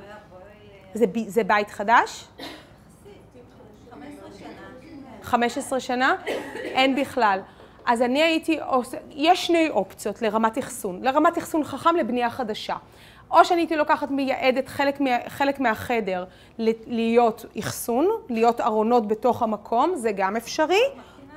ואז אני מקטינה את החדר, אז השאלה, מה את רוצה לשים בתוך האחסון הזה? האם את רוצה לשים בתוך האחסון תלייה? או רק מידוף, כי מידוף יכול להיות עד 40 סנטימטר, 42, 43, ותלייה צריך להיות לפחות 60. אז תסתכלי מה יש לך יותר, ואז זה פחות יקטין לך את החלל. או לחילופין, להשתמש ברמת הגובה. תמיד אני אומרת, מצב גלגדות. איך אני יכולה להשתמש בכל הגובה? בחלק הזה אני השתמשתי כאן, במקום לעשות ארון סטנדרטי, לקחתי את כל הקיר ועיבדתי אותו. את כל הקיר עצמו מאחורי הדלת ולפני הדלת, פשוט במקום שהקיר יהיה עשרה סנטימטר, הרחבתי אותו להיות שישים סנטימטר. הקיר הוא כבר לא קיר, הוא גם אחסון וגם זה, אני נותנת עוד אופציה פנטסטית לחפש מה גלוי ומה חבוי. למשל, סתם לדוגמה, במרחב הזה יצרנו דירת חמישה חדרים לארבעה וחצי. אה, ה-DNA האישי של הלקוחה בעצם היה לשמור על הילדים בזמן שהם משחקים טלוויזיה ואקסבוקס וכל הדברים הכיפים, שהיא תוכל תמיד לשמור עליהם. זה היה ה-DNA שעל הבקשה של הלקוחה. ומעבר לזה, הסטייל שהיא רצתה זה כפרי מודרני. מעבר לסטייל הכפרי מודרני, יש לה אוסף, היא הגרנית של עם עובד, של ספריית עם עובד. אז יצרנו בעצם מכלול הוליסטי. אני בעצם נותנת עכשיו דוגמאות איך יישמתי את כל ה-DNA לאמיתי. אמ, אז בעצם לקחנו את ה-DNA של הלקוחה שהיא פשוט תולעת ספרים, מתה על ספרים. אוהבת את עם עובד, לקחנו ועשינו שני מישורים שבעצם יכולים לעשות שתי, אני, מה שאני תמיד אוהבת להגיד, זה גם שמפו וגם קונדישיונר, זה שתיים באחד, אני מתה על זה. שזה בעצם קיר. מה? בטח, את- רוצה, את יכולה לשלוח לי מייל ותקבלי גם את המצגת. איך אני איתך? מי שרוצה את המצגת יכולה לשלוח לי מייל, היי רוחלה, בא לי, שכחתי, עניין הזה, תשלחו לי, אני בכיף מפזרת שפע לכל כיוון ככה בסבבה, בסדר? אמ, אז מה לקחנו בעצם? לקחנו את המזגן המעפן, שאנחנו, אין לנו מה לעשות וזה, הצמדנו אותו לתקרה ושמנו אותו בכמה ש... במינימום של 40 גובה. אה, ייצרנו מערכת שתעשה הפרדה בין המרחב הציבורי, שזה הסלון, לבין המרחב הפרטי, שזה זה, אוקיי? ייצרנו מרחב כפול, שמצד אחד יש ספרים, מצד שני יש עמדת מחשב, שב, שבין, שבין, בעצם, שבין המרחבים האלה היא יכולה גם להסתכל על הילדים, גם לראות מה הם, אה, מה הם רואים באינטרנט ולהגיד להם לא, כן, כן, לא. גם יצרנו מרחב, הופה, הופה, גם יצרנו מרחב אה, תחתון, שהוא מרחב לכל השמלץ, כי היא קצת אספנית של ניירת ודברים מהעבודה, והחבאנו את כל הדברים שהם פחות אסתטיים בחלק התחתון, מחלק של בטן ומטה, החבאנו את כל, הדבר, החבאנו את כל הדברים שהם פחות אה, שימושיים ביום-יום, אלא שימושיים אחת לשבוע, אולי אחת לחודש. אה, מס הכנסה, ביטוח לאומי, לא יודעת, כל הדברים של העבודה ודברים כאלה, החבאנו את זה מגובה מותן ומטה. בדרך כלל, אני תמיד ממליצה ללקוחות, כל דבר שאני פחות רוצה לראות, אני מעבירה אותו למטה ממצב שולחן ומטה. כלומר, מגובה או 91 או 75 ומטה, כדי שאני פחות אראה אותו, שאני אוכל להסתיר אותו עם מלא עציצים ופאן ודברים כאלה. אמ, איך החבאנו כאן? אמ, סתם הבחורה הנחמדה הזאת היא מאוד מאוד מאוד אוהבת, אמ, אוגרת, היא מאוד פרקטית, התכנון הוא מאוד מודרני, הארדקור, מאוד מאוד נקי. אה, והיה לה אוסף של למעלה מ, אה, לדעתי, סדר גודל של 100-150 כוסות מיוחדות, אה, של אלכוהול, של שוטים, של וודקה, של אלכוהול, של שמפניה, של זה, איך, איך לקחנו והצנענו את זה. לקחנו אלמנט של קלפה נורא פשוטה, שמרחפת מעל האזור של המטבח. הדירה הזאת היא דירת שני חדרים, המרנו אותה להיות שלושה חדרים בעצם, וגם הוספנו חדר ארונות. על מנת בעצם לאפשר ל-60 מטר, שזו דירה קטנה כמו שאת אמרת, לאפשר שהמרחב יהיה מרחב, מה שאני קוראה אפקט הווילה, שתכננתי בעו, בעוונותיי מספר וילות, יצרתי וקראתי לזה, רשמתי לעצמי כוכבית, אמרתי, רוחלה, תעשי את אפקט הווילה. אפקט הווילה על 60 מטר, שפיתחנו ותכננו, היה איזה 34 חלופות לדירה הזאת, והחלופה הכי מנצחת הייתה בעצם ליצור אפקט וילה, שמתחילת הדירה, מה היה מצחיק? שתפו אותי. 34. מה? 34, כן, כן, 34 חלופות, שגם הצטרפו כל ה... גם האימא וגם הזה, וכל אחד היה דעה, וזה היה מהמם, בסוף הגענו והיא הכי מאושרת, מאוהבת בדירה, באמת.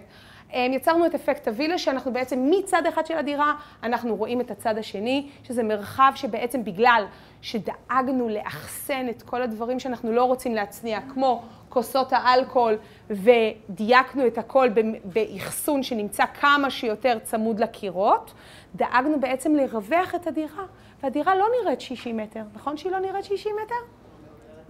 נראית הרבה, נראית, היא 59.4. היא לא נראית ככה, בגלל שדאגנו לאחסן כמה שיותר מהפריטים שלה, כמה שיותר מהפריטים שלה, בתוך דברים מוצנעים, בתוך נגרות, שהיא נגרות אינטגרלית עם צביעה בתנור. למי שלא מכירה את המושג, ידית אינטגרלית זה ידית שתופסים אותה והיא חיתוך CNC או חיתוך לייזר או חיתוך בנגרות, שהוא מוצמד אחד לאחד מתוך, אה, בתוך האלמנט עצמו של הנגרות. ניתן לראות את זה, אני חושבת, באחד מהפריטים למעלה אולי. אה, שזה בעצם מה שיש כאן, שכל הידיות נסתרות, המרחב נראה גדול יותר, יוצרים אשליה של בית ואחסון הרבה יותר גדול, ובכך מייצרים אפקט אשליה של וואו וגם אפקט רחב יותר של הדירה. כמובן על ידי צבעים בהירים, כמובן על ידי פאנל שהוא נסתר, לא כמו הפאנל שנמצא כאן, שהוא פאנל שיוצא בשתי סנטימטר או אצבע וחצי, אלא פאנל ששקוע בתוך הקיר כדי ליצור, שוב, אה, אפקט כזה, בר, אה, לא, יותר גל גדות כזה, אפקט כזה, אה, מלכה כזה, רזה כזה, רזיתי ככה בעוד איזה חמישה קילוגרם, אז זה האפקט הזה, אני מאוד אוהבת את האפקט הזה, זה אפקט כזה מרזה. עוד, עוד נקודות אחסון, חכמות יותר, הבחורה מאוד מאוד אוהבת להתאפר. איך אנחנו יוצרים את זה, מחפשים נישות ועמודים שאנחנו לא יודעים מה לעשות, זה נמצא בכניסה לדירה, מחפשים את האלמנטים שהם תמיד um, obvious, אבל לא obvious, איך אנחנו יכולים ליצור בכניסה לחלל מקומות שהם פחות נראים או פחות שימושים כמו הפינה הזאת, ולהפוך אותה לפינת של אפקט וואו, um, וגם להפוך את זה לרמה פונקציונלית, כי תמיד אנחנו מדברים על פונקציה ועל ארכיטקטורה טובה, ולהפוך את זה וואו. אז אנחנו יוצרים וואו, על ידי מגירה, כאן יש פה נגרות נורא נחמדה, עם צעיף מהמם של תמר. אמ, אה, wink wink כמה שהיא מהממת, עוד מעט. ונפתח ככה, כי יש לה המון המון איפור. אה, היא לא רצתה לסדר את זה, לא הרגישה בנוח לסדר את זה כל פעם בקופסאות. והיה לנו 22 סנטימטר בין הקצה של העמוד, שזה נמצא ממש פה, לבין, ה, לבין הסוף של הזה, שזה בעצם דירה קיימת, אני לא יכולה הרבה לעשות עם זה, שזה נמצא ממש מאחוריכן, זה כמו הנישה הקטנה הזאת שנמצאת מאחוריכן, אין הרבה מה לעשות איתה, אבל אם אנחנו נהיה חכמות ונחפש את כל המקומות הפחות אמ, טובים האלה בתוך המרחב של הדירה שלנו, בתוך המרחב של הבית, בתוך המרחב שאנחנו הולכות לעצב, לא משנה מה, ולחפש מקום שאנחנו יכולות להכיל בו עוד אחסון, זה אחד מהאלמנטים הכי חזקים שיש. אז כאן, ברגע שפותחים את זה, הכל המייקאפ וכל הזה נשפך החוצה, ואז כמו שהיא אוהבת, היא מסיימת להתאפר והיא דוחפת הכל פנימה, לא מסודר ולא זה, אבל מבחוץ זה נראה הכי מסודר שיש. אז uh, תחשבו על המקומות האלה, איפה אתם יכולות להצניע את המקומות שלא בא לכם לסדר, לא בא לכם להיות מאורגנות, ופשוט לה, לדחוף את זה כמו הצעצועים של הילדה, כמו מה שזה לא יהיה. מה? שזה בערך כל הבית? או-אה. אנחנו צריכות לדבר. תביא את התוכנית, אני, אני כבר אסמן לך עכשיו. אז אחסון זה דבר נורא חכם. עוד דוגמה פנטסטית שהיא במטבח, אה, לקחנו דירה של 100 אה, מטר, הפכנו אותה מארבעה חדרים לשלושה חדרים. למה? כי לזוג יש סיפור מאוד מרגש, הוא עבר ממבשרת, הוא עבר אה, לתל אביב, להיות קרובים יותר לבנות ולנכדות שבדרך. כבר עכשיו יש כמה וכמה נכדות, אז הסיפור כבר ישן. אמ, ולקחנו ואצלנו בעצם במקום לקחת מרפסת שירות, שמרפסת שירות הרוחב שלה הוא סדר גודל אה, בין 2 על אה, מטר 20, מטר 40, מרפסת שירות למכונת הכביסה ודברים כאלה, גרענו את ה... את החלק של מרפסת השירות, והפכנו בעצם, כמו שאני אוהבת, שניים באחד, אמ, ולקחנו ושמנו בחלק הזה את מכונת הכביסה, ואת מכונת הכביסה ואת... אמ, ואת המייבש, את כל הנייר טואלט, את כל הדברים שאנחנו פחות אוהבים לשים, ושמנו את זה דווקא במטבח. אמרתי בעצם לפנינה, מה את מוכנה הכי להתפשר? את מוכנה שהבית יהיה יותר גדול, אפקט וילה, נכון? אז היא אמרה לי, כן. איך אנחנו נייצר את זה? את מוכנה להתפשר איתי על הכביסה? הרצועה הרטובה הייתה באמת באזור הזה, זאת אומרת שאנחנו צריכים להשתמש, כדי אה, להשתמש ב, אה, באזור של המכונת כביסה, כדי לשמש את כל הדבר הזה מבחינת אה, מים, מבחינת אוורור, מבחינת זה שיש לזה פתח לחוץ, פתח אוורור למייבש. אמ, היום כבר אין צורך את זה, נכון? היום כבר אין את זה, אבל דאז כבר היה צורך, אז פתחנו חור, חור בתוך הקיר, בתוך הקיר, אלא בחוץ. אז פה בעצם אני מצניעה גם את המכונת כביסה, גם את, המ... אה, גם את האלמנט של הגיהוץ, כל דבר שהוא פחות אסתטי, פחות יפה, אני משלמת על זה בזה שאין לי חדר פונקציונלי לזה, ואני משלמת על זה שהנגרות עצמה היא כאילו יכולה להכיל לי את כל המרחב, ואני כן שומעת את המכונת כביסה בזמן שהיא עובדת. אממה, חסכתי לעצמי חדר. חדר של 6 מטר מרובע לעומת זה המון, נכון. בדירות, והיום אנחנו בדירות קבלן, אם אתם יודעות, דירות קבלן הן קטנות בכ-17% פחות מהממוצע ממה שהיה לפני 40 שנה. זאת אומרת, כן, ההנהון הזה זה כן. 17% שאנחנו זקוקות לו, ואנחנו יכולות כאילו להשתמש... איפה לקפל. תמיד יש את הקטע הזה איפה לקפל. איפה לקפל? אז על השיש. אז על השיש. בשביל זה עשינו 7 מטר שיש. אז אה, גם, בש... גם בשביל זה, אף על פי שהיא לא מקפלת שם, היא מקפלת בחדר שינה איפה שנוח לה. אבל היא, רצ... אבל היא רצתה יותר מ- מרחב. אני פשוט תכננתי את זה לפי המרחב שלה, מה שהיא רצתה. אבל כן, היא יכולה לקפל, אני לא יודעת, אני אשאל את פנינה אם היא מקפלת על המשטח הזה. את האמת, זה מעניין אותי עכשיו. מה? זה גם שם מעולה. מהמייבש. זה יוצא גם מהמייבש. נכון, וזה עושה לה, את האמת, יש אפקט וואו אחד, שזה היה בעקיפין ב- בלתי מודע, עושה לה אפקט בדין, אומר מקסימה, אפקט של ריח בכל הבית ברגע שהיא פותחת כזאת רצינית, זה לא עושה לך? זה לא עושה לך אפקט של אה, זה? ברגע שהיא פותחת אה, את המייבש, הריח... אז, אה, אז ברגע שהיא פותחת יש איזה אפקט וואו שכל הבית נכנס בריח של כביסה וזה מהמם.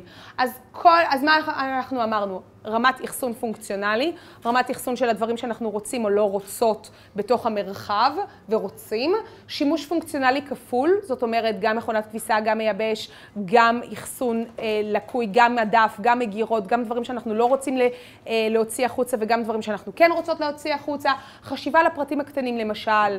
יש לי 80 תיקים, יש לי 20 זוגות נעליים, איפה אני שמה אותם? אה, האם אני צריכה לצמצם את הזוגות? האם אני לא רוצה לצמצם את הזוגות? ומה אני יכולה להכיל בתוך המרחב האחסוני הזה? אה, ומה שיותר נעים לי לראות בסופו של דבר, זה תמיד לשים את האחסון, ש, אה, שאני פחות, אה, פחות אוהבת להצניע אותו במצב אטום, ואת אוסף החתולים אני שמה בחוץ, אם מרשים לי, אם בעלי הרוסי ירשה לי. אמ, אז מטבח. מטבח אה, הוא דבר נורא נורא נחמד וסימפטי, אבל אנחנו צריכים לחשוב כמה אנחנו מבשלות במטבח. אה, הלקוחה הנחמדה הזאת לא מבשלת הרבה מטבח, אה, סדר גודל אורז, חביתה ועניינים. לכן סידרנו מינימום מקום ויותר אחסון שהיא תוכל להכיל את כל הדברים מסביב. כמובן שאנחנו יודעות מראש כמה היא מבשלת, אני עושה תחקיר ספציפי, מה, כמה את מבשלת ביום, כמה את מבשלת בשבוע, כמה את מבשלת בחודש, כדי לדעת כמה שטח שיש לתכנן מראש. אז מטבח בדרך כלל הוא בכפולות של 60, אה, 90 ומטר 20. מי שרוצה ומבשלת הרבה כל יום ככה בהפגזות על, אה, על קובה וחיימה וזה, וכל המטבח הוא ככה, אז צריכה סדר גודל לפחות של בין אה, מטר עד 2.40 לפחות בשביל המרחב, כדי לבשל כמו שצריך, שיהיה גם פלטה של אזור חיתוך קר, פלטה של אזור חיתוך חם ופלטת הנחה. אה, בדרך כלל זה, המינימום הוא יהיה מטר שמונים, שישים, שישים, שישים, קר, חם וחיתוך. של פלטות, של משטח, כן. המינימום, אם את ממש בשלנית וזה, לדעתי את צריכה סדר גודל לפחות כדי שיהיה לך נעים, בין מטר שמונים לשתיים ארבעים יהיה לך מאוד נעים. פחות מזה, יהיה לך קושי גם לחתוך, גם להעמיד וגם להקפיץ לקיריים. אז תמיד להסתכל כמה את מבשלת, פעם אחת ביום, פעמיים בשבוע, האם את על המסלול המהיר או... זה סדר גודל של 5.40, כל הדבר הזה. אבל זה הכל, זה כולל מדיח, זה כולל זה, זה כולל כיור, תמי 4, אספרסו, וזה הכל, זה 5.40. והדברים שהיא עושה שם. בוא נאמר, היא יכולה לעשות פה יותר מאורז. היא יכולה לעשות פה יותר מאורז, אבל ניקינו וכמעט אין שום דבר בצדדים, הכל מאוד מאוד נקי, אוקיי? אמ, אז מטבח יכול להיות גם אחסון שהוא אחסון גם עם כיור, הוא יכול להיות גם עם כיור וגם עם קיריים, הוא יכול להיות מה שאתם רוצות, תלוי אם אתם רוצות לצפות בטלוויזיה בזמן שאתם, אה, אה, בוא נגיד, אה, מבשלות או עושות כלים או דברים כאלה. תסתכלו על הפונקציות, למשל, הלקוחה מאוד רצתה בזמן שהיא שוטפת כלים, רצתה לראות טלוויזיה. צריך להסתכל מה אנחנו רוצות, מה אנחנו לא רוצות, מאוד מאוד חשוב. מה? תמיד זה אפשרי. לא תמיד זה אפשרי, אבל עם הנחת תשתיות אה, נכונה, זה כן אפשרי. תלוי על מה מתפשרים. אם מתפשרים על אחסון עליון או מוסיפים אחסון עליון. מה? מה? כן. אז אני לוקחת למשל עמודים, ואת רואה שאני לקחתי את העמוד והפכתי אותו לחלק מהיחידה, עם תאורה קסומה כזאת שמלטפת את, ה, את, ה, את העמוד בזמן שהאי עוטף אותו, אז זה פחות נגלה לעין. אני, לא, אני באופן אישי חושבת שעמודים כאלה, טוב לשים להם תאורה, טוב לפתוח אותם ולהסתכל עליהם בגוון טבעי, בגוון קיר לבן, ולא לתת להם יתר על המידה משמעות. יש לי פרויקט עכשיו שיצא, שטרם יצא לי לצלם אותו, ששמתי על כל הצדדים של העמודים כדי לחזק אותו, תאורה של up-down שיוצאת מלמעלה ויוצאת מלמטה, וכל המעטפת של 60 על, 4, על 22 סנטימטר, עמוד כזה. אה, ליטפתי אותו בגוון קטיפה לבן קריספי, שהוא מאוד טרנדי עכשיו ב-2018, אה, גוון ולווט של נרלט. אה, ביצוע סדר גודל 600-620 שקל למטר מרובע, אם אתם רוצות ודברים כאלה. ייעוץ חינם יש בנרלט, הם מהממים, וגם בטמבור. ושמתי על זה תאורת up-down light באמצע, באמצע הסלון מטבח. וכמעט ולא רואים את זה. אין לי על זה תמונה כרגע, אבל זה באמת, כאילו שחררתי את זה. זה גישה אחת. את יודעת, יש כמה גישות לעמודים, אבל העמוד כפי שהוא, אם אני לא הולכת לקונסטרוקטור... והמטבח הוא ככה, קשה... יש מבנים שקשה... יש מבנים שקשה, אבל ניתן לעשות הפרדת ביניים. לשים איזה אייפד או טלוויזיה קטנה. לחלוטין. לחלוטין. אפשר לעשות את זה? גם אפשר. אז אמבטיה, מה אנחנו צריכות באמבטיה? אני צריכה שיהיה לנו יבש, אני צריכה שיהיה לנו מהמם, אנחנו צריכות לדעת לבחור פריט אחד, שניים, כמו שאתם רואים שיש פה מתודה של לבן, עץ ושחור, לפעמים הברקות של גולד. זאת אומרת, חזרתי על המתודה של בין 1 ל-3 גוונים, הגוון השולט והדומיננטי היה לקחת את כל הברזים, להפוך אותם לשחור, כי הבחור שוב UX, UI מאוד מאוד אוהב את האלמנט הסטייליסטי יותר, אוהב את, ה, את המבט, זה חוזר גם בהדהודים, באדוות נוספות בתוך הבית, כל התאורה במרחב הבית, חוץ משתי אובייקטים הם כולם שחור, זאת אומרת, זרקנו, כמו שזרקו כאן, אלמנטים של שחור, שחור, שחור, אני גם זרקתי במרחב של הבית נגיעות קטנות מאוד של שחור, בין אם זה בתמונה, בין אם זה במרחב אה, אה, הקטן, בין אם זה אה, במראה, שהמראה של האיקוטר של 2.5 סנטימטר היא מעטפת שחורה מאוד מאוד נקייה. זאת אומרת שמצד אחד רואים הרבה קצת שחור, 2.5 סנטימטר, ומצד אחד רואים רק מעטפת קונטור מאוד מאוד דקה. אז מאוד uh, לשים לב לפרופורציות. שוב, אמבטיה זה דבר מאוד מאוד קטן. האמבטיות הכי גדולות שתכננתי היה 16 וחצי, אבל הממוצע נע על 6.5 מטר מרובע. צריך להסתכל על אמבטיה שתהיה במקסימום סדר גודל בין 70 ל-80, פונקציונלית ומהממת. איזה, איזה חיפוי אתם רוצות? זה יכול להיות כל חיפוי. השאלה היא אם זה מרחיב או מצמצם. האם זה עושה לי נעים בבטן, שזה היה לפני ההפסקה, או עושה לי פחות נעים. חשוב מאוד להבין שאמבטיה וריצוף הם דברים שנשארים סדר גודל בממוצע של בין 15, היום זה קצת פחות, אבל סדר גודל של בין 15 ל-20, יש אנשים שמחליפים את זה, הממוצע נכון, רחלי? הממוצע נע סביב ה-15 שנה. זאת אומרת שחשוב שתסתכלו אמ, על, אה, על, על ריצוף ועל פרקט ועל חיפויים כמשהו שהוא everlasting או evergreen. לא ללכת יותר מדי על הטרנדים, אתם לא יושבים על זה בהוויה שלא יימאס לכם. למשל, אה, בוא נגיד, אם הייתי שמה כאן הכל אה, ריצוף סגול כזה, או כאילו חיפוי אה, בצבע טורקיז, לאו דווקא הייתי באמת אוהבת את זה, ואולי זה היה משעמם אותי עם הזמן. אמ, הופה. כאן בחרנו בעיצוב מאוד מאוד נקי, ידית אינטגרלית, מאוד נקי, לחשוב על האלמנטים שעושים לי נחמד. האמבטיה עצמה היא מאוד צרה, היא מטר עשרים, והיא לא נראית ככה מטר עשרים, בגלל שבחרנו באובייקטים מאוד מרחיבים, כמו פסים לרוחב שגורמים לנו להיות יותר רחבות כזה באשליה. אז בסופו של דבר בחרנו אלמנטים שהם יותר, היי יקירה. זאת נטלי המהממת. אה, מי שרוצה אחר כך... מה? כרטיס ביקור, נטלי? כן. היא תשאיר. אה, ומי שיש לה אה, כלה שמתחתנת, הבחורה בחסד עליון, אני, חבל לי מאוד שהיא לא חיתנה אותי. הבחורה בחסד עליון, תחפשו נטלי שור, זה קסם, קסם של, קסם ונצנוצים של בחורה. אה, וחוץ מזה שהיא, שהצילומים המהממים שראיתם, היא מצלמת אותי ללא איפור. זה הקסם, זה עד כמה שהיא מהממת. זהו, זה היה 60 שניות על זה. אחד? בסדר, תצלמי אותו. אז זאת הייתה נטלי ההורסת, שלום, ביי ביי. נסיעה טובה, אני אוהבת אותך. אמ, זה היה 60 שניות של אה, אהבה. אה, אז אם אנחנו חושבות על טרנד, ואם אנחנו, זה סופר טרנדי, הפלטות אה, הציוריות, הבלטות הציוריות, שכל יחידה עולה בין 90 למטר, ל-120 שקל ליחידה, שצריך לשים עליה sealer ומאוד מורכבת, ההחלטה של הלקוחה, של, של הזוג, היא בעצם דווקא ללכת על טרנד, אבל ללכת על טרנד ממש בהגזמה, כי זה יושב להם בהלימה למה שהם רוצים והם מפנטזים על זה יותר מחמש שנים. מפנטזים על הריצוף הזה יותר מחמש שנים. זאת אומרת שזה ישב להם מאוד חזק ב-DNA, הם חיפשו את זה יומם וליל כדי להשיג את זה במחיר. לאו דווקא שאת מתחברת לזה, זה בסדר, לא כולם יש להם את אותו סגנון, זה בסדר גמור.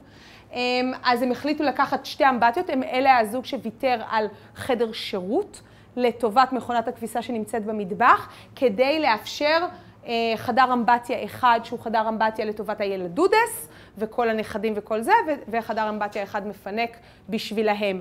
ואני יודעת שהצלחתי, לאו דווקא מבחינת העיצוב המהמם או פחות מהמם או שזה לא זה.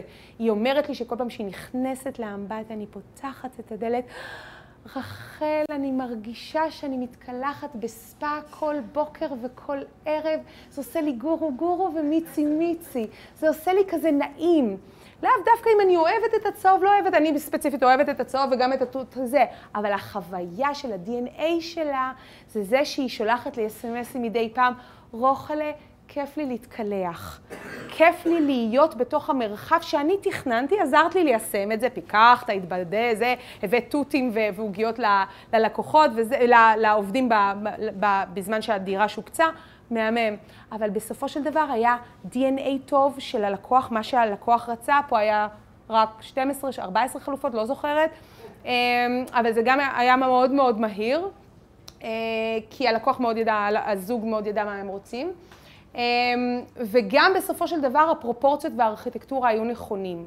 גם אם זה קטן, זה עדיין היה נאמן, כי עשיתי תחקיר חכם מאוד של למעלה מ-60 שאלות להבין מה הלקוח רוצה. 60 שאלות אני יושבת איתו. אתה אוהב להתקלח? יופי, מעולה. מתי אתה אוהב להתקלח? בבוקר? בערב? מה עושה לך נעים? מתי, כמה פעמים ביום אתה מצחצח שיניים? וואלה, רחל, לא יודע. כל השאלות הפרטניות האלה עוזרות בסופו של דבר בתהליך, אחרי שאנחנו מוצאים, תחשבו, שיפוץ זה 100, 200, 300 אלף שקל, 400 אלף שקל, חצי מיליון ומעלה. תחשבו על זה שכל פרט, כל שאלה שאתם שואלות את עצמכם ושואלים את עצמכם מבפנים, להבין מה הלך הרוח של היום-יום שלכם, מה ה... ההוויה של ה-24 שעות שלכם בממוצע ביום ראשון, ביום שני, בוויקנד. מה אני עושה בשישי שבת? אוהבת להתקלח יותר? אוהבת להתקלח פחות? אוהבת אמבטיות? אוהבת לאכול על המסלול המהיר? אוהבת לשבת עם כל המשפחה ולארח 12 אנשים פעם בשבוע? מה עושה לי טוב? מה, מה ה-DNA היומיומי שלי? ולפי זה לתכנן את הבית. אם צריך לשבור קירות, תשברו קירות. אם צריך לשנות את, ה, אה, את התכנון הפנימי, תשנו. אבל שזה יהיה תואם לשפה האישית שלכם. אמ, אז אמבטיות, מאוד מאוד חשוב, זה דוגמה דווקא סופר סופר סופר רוסית. אמ, זה משפחה רוסית, שהכל היה חשוב, זה רק אחסון, אחסון, אחסון, אחסון, אחסון. אז בכל מקום, לא משנה איפה, דאגנו שיהיה אחסון, בכל פינה אפשרית. גם בנישה הקטנה הזאת שלא היה ניתן לזה, הוספנו עוד 40, 38 סנטימטר לאחסון של ה, לא, לאוכל של הכלב. אה, לכביסה לבנה, כביסה צבעונית, הגרביים, הכל. דאגנו שהכל יהיה ברמת האחסון כמה שיותר. אה, ואם אנחנו חיים על מסלול כזה כיפי, שאנחנו לא צריכים אה, שום דבר, אז אנחנו יכולים ככה להרשות לעצמנו לשים מה שאנחנו רוצים, וחלק מהמקומות יכולים להיות לא פונקציונליים אם אנחנו רוצים גם אמבטיה. כל מה שאנחנו רוצים בהתאם לזה, הכל בסדר, הכל לגיטימי, העיקר שזה דומה ל-DNA האישי שלכם. פה אני תמיד מראה את התמונה הזאת כי זה דבר מאתגר. תחשבו, אה, מהצד השני של האסלה, אתם יכולים לראות את זה מהצד הזה. דאגתי לשים אלמנטים בתוך האמבטיה שמצניעים. אה, ורואים את זה רק בזמן שהולכים לשירותים, אה, שמשני הצדדים, מהצד השני יש מכונת כביסה ומהצד הזה יש מלא מלא אחסון של הנייר טואלט, של כל הגלילים, של כל הבשמים, של כל הדברים, שמצניעים את זה, שבן אדם נכנס לאמבטיה ושוטף אה, ידיים, הוא בדרך כלל לא רואה את זה, אלא אם הוא מסתכל במראה. אמ, שוב, לא הצלחתי לשכנע שזה יהיה משני הצדדים, נגמר התקציב, אה, אבל כן הצלחתי לקחת מראה שבעצם תהיה פונקציונלית, תרחב באוויר. תחשבו על הפתרונות בעצם כי, כי, כי היה לנו חלון, ולא יכולנו להזיז את הצינור אה, ביוב שמוחבא על ידי העמוד שנמצא כאן. בעצם לקחתי את העמוד, החבאתי עליו אה, אחסון מכל הצדדים, כדי להצניע את מכונת הכביסה מהצד השני, ואז בסופו של דבר יש לי גם אחסון, גם, אה, גם פונקציונליות וגם איזה פרמטר מאוד מאוד אסתטי, שכל פעם שהיא ככה באה לצחצח שיניים, היא אומרת לי, יא, את יודעת איזה כיף זה לפתוח את התריס החשמלי ככה מלא אור, לצחצח שיניים שאני מסתכלת כאילו על קיר שהוא זכוכית. אז תמיד להסתכל על איזה, אלה, איזה דברים אתם יכולים להשיג מהחלל קצת יותר. שוב, פינטרסט הוא חבר מה זה טוב, אתם יכולים לקחת ים של רעיונות משם. מה? רק תלויה מלמעלה עם שני ו"ים, עם דיבלים של uh, עד 150 קילו, שעולה שקל וחצי, uh, וקדוחים בחלק הפנימי של הקורה, קורה מברזל. לא, היא לא מסתכלת. לא, לא, לא, זה כבד, זה שוקל uh, למעלה מ-15 קילו. זה לא, לא זז, זה לא, לא מתנדנד ברוח. גם אחרי הסופה של, שהייתה לפני שנתיים, זה לא, לא קרה לזה כלום, היא שכחה את הדלת, את החלון פתוח, לא, זה, זה כבד מאוד מאוד מאוד. הכיורים האלה, בטח שהם נוחים, למה שהם לא יהיו נוחים? מה זאת אומרת? זה דומה ל-DNA של, כאילו, של הלקוחה, כי היא רצתה משהו שהוא מונח. יש, יש הרבה הרבה מהלקוחות. מה? אוקיי, ככה, בבקשה. Um, תודה. אז יש אנשים שבדרך כלל אומרים לי שאנחנו אוהבים משטח מאוד מאוד נקי, אז במצבים כאלה אני ממליצה דווקא על כיורים שהם שקועים. זה גם, אה, זה גם, כאילו, זה גם אפשרי. אמ, אז אה, זה מבחינת תאורה. תאורה זה מה שנקרא, אמרתי את זה מקודם, make or break. תסתכלו על תאורה במצב פונקציונלי כפול 2. איך אנחנו יכולים להתמודד עם זה?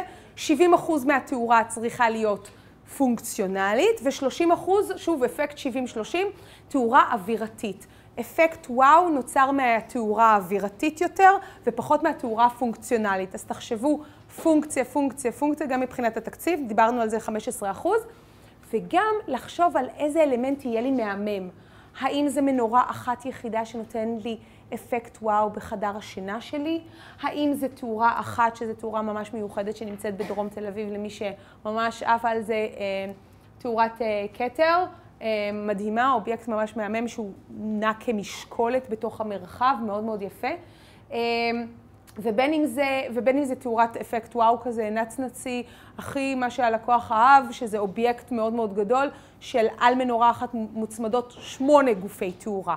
תחשבו איזה אפקט וואו אתם יכולים לייצר, או אם זה בין אם זה תאורה פורנירית מלטפת כזאת שנותנת אווירה. סך הכל באופן יחסי זה אמור להיות סדר גודל של 30 אחוז. היחס גם 60-40 גם עובד בסדר.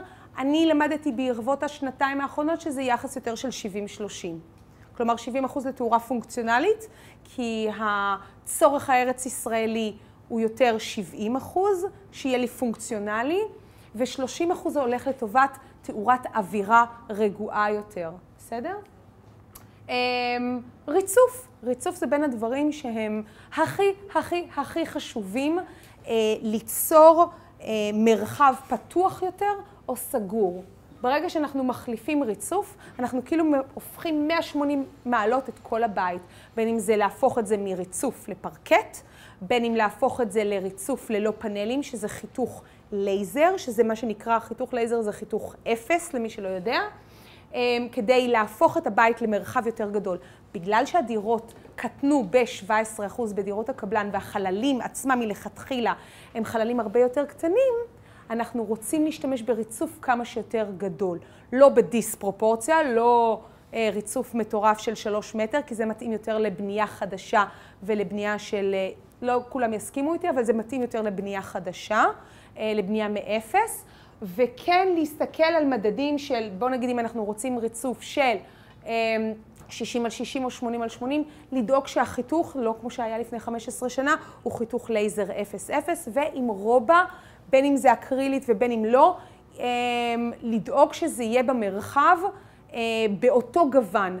שוב, יש, בטמ- יש בחברות המאוד גדולות, גם טמבור, גם נרלט, גם כל, ה, כל האנשים האחרים, יש אה, אה, גוונים שממש כמעט דומים לריצוף. אז אנחנו יכולים ליצור אשליה, כאן זה ריצוף ממש 60 על 60, הכי סטנדרטי, נגמר התקציב ממש כאילו basic של basic הכי קטן, ריצפנו את כל הבית ועשינו את כל החומרי גמר ממש בגרוש וחצי, אה, ועוד, לא, זה היה סוג אלף, לא סוג ב', ודאגנו שהרובה, הרובה זה המילוי שנמצא בין הזה, זה חיתוך לייזר, כן, חיתוך לייזר נקי, 0-0, בלי קימור, בלי עיגול. תסתכלו על האצבע שלי, אז בעצם ללא הכימור הזה, ליותר, אה, גם לא, כימור מאוד מאוד נקי של 90-90, זה ממש נראה בצורה כזאתי, וזה מאוד עוזר בעצם לתת אשליה של המרחב.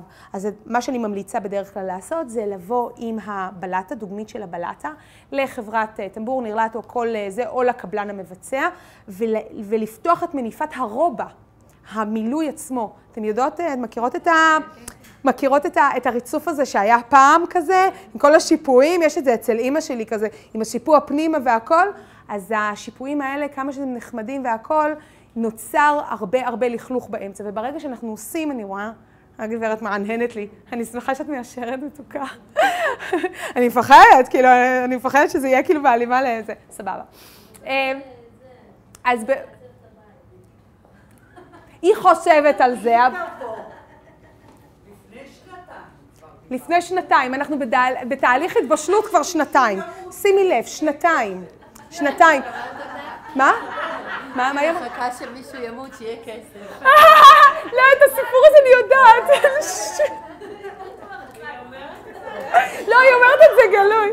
לא, אין על הבחורה הזאת, זה משהו. אני מכירה, זה הבחורצ'יק, כן, הוא בן ת... מה? 90 כבר. הנה, בדיחת פולניה, אני מחכה שהבחור יעמוד, יהיה יעבור לגן עדן, ל-level הבא, ואז אה, יוכל לזה. אז שאלות אה, אחר כך.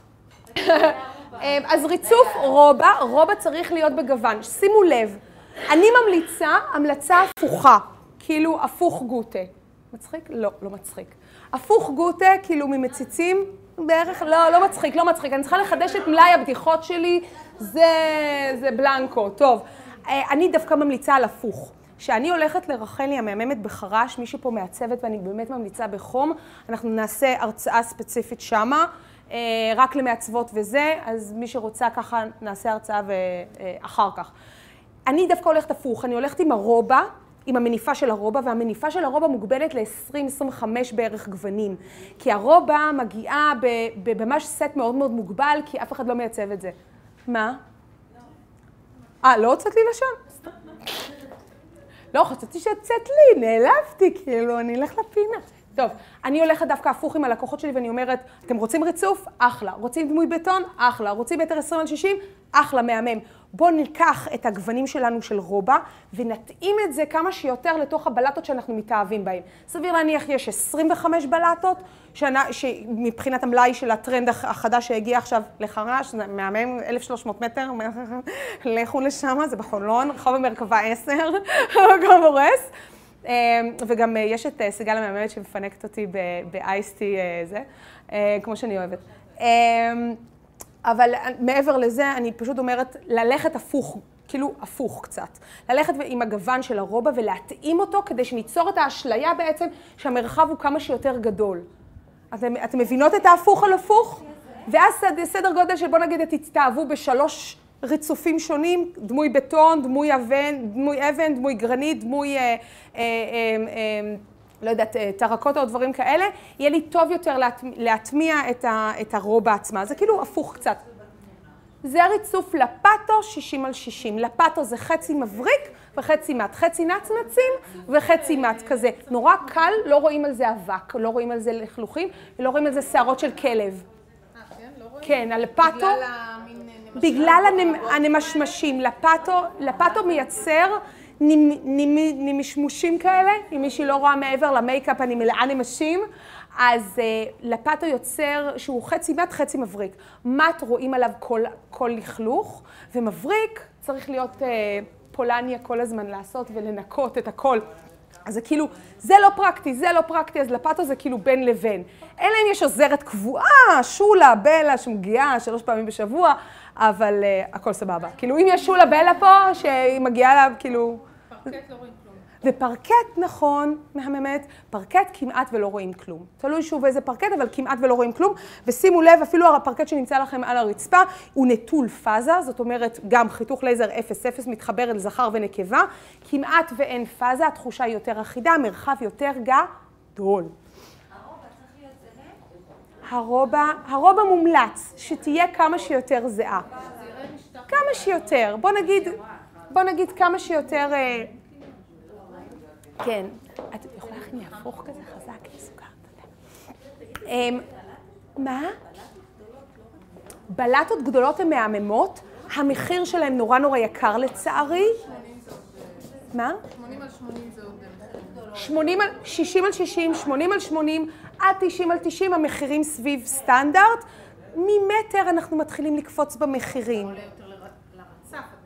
גם לרצף, זאת אומרת שהיחס תמיד הוא יחס יותר גבוה.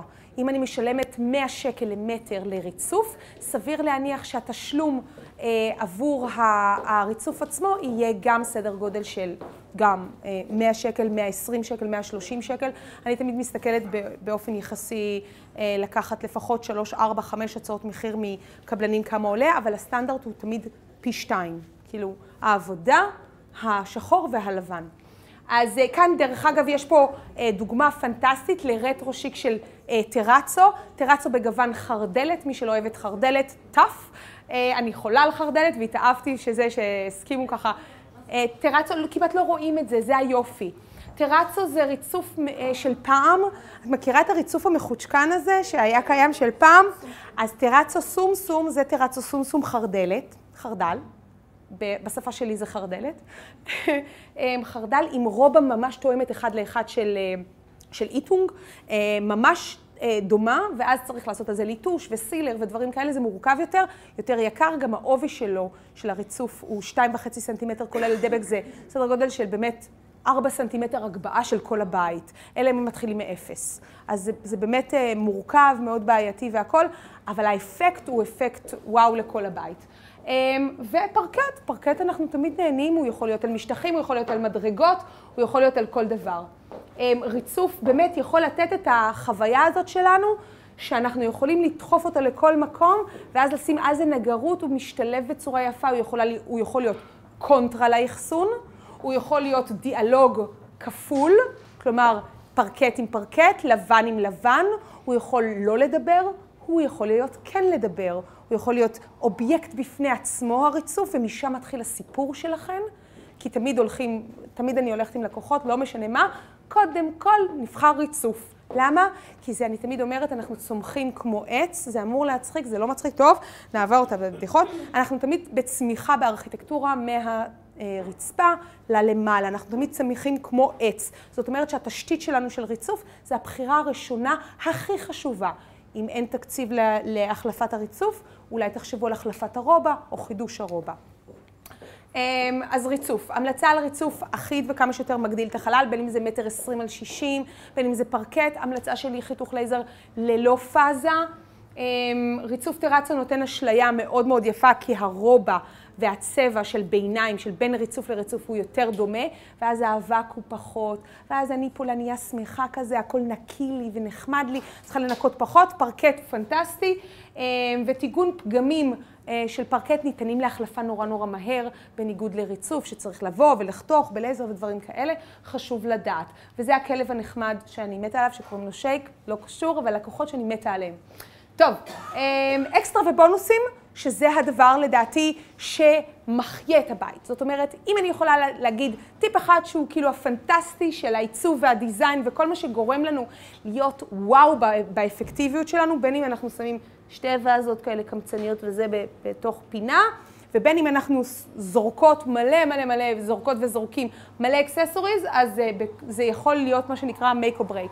זה אה, דווקא accessory מאוד גדול, של 45 סנטימטר, אבל יש לו סיפור. אני תמיד מחפשת ב accessories סיפור. איזה סיפור? הסבא של הבחורה הנחמדה ש... אה, בא, שעברה ממבשרת לתל אביב עם הסיפור של הגדלת המרחב. אה, זה היה שייך לסבא שלה, זה היה שחור דיכאוני, ולקחנו והחיינו את הבית, החלטנו שחידוש שני ריהוטים אה, ספציפיים בתוך הבית יעברו לגוון יותר בהיר ושמח. היא בחרה טורקיז, סבבה, אני רציתי שזה יהיה קצת יותר ירקרק, יצא יותר טורקיזי, הכל טוב, מהמם. עשינו חידוש, החידוש עלה סדר גודל, אה, בגלל שזה בין 100 שנה זה עלה יחסית אה, יקר ומורכב, זה היה לי טוש משי אה, ועם ווש בפינות, ושוב זה מכתבה ישנה של אה, סבא שלה שכתב אה, ספרי, אה, אה, ספרות אה, ב- לפני סדר גודל לדעתי 90 או 100 שנה. אז יש לזה סיפור מאוד יפה, אני מחפשת את, את, את הסיפור. אה, אה, והפרדה בין עיקר וטפל, מה הכי חשוב? האם אני צריכה לקשט את זה בעוד אקססוריז נוספים?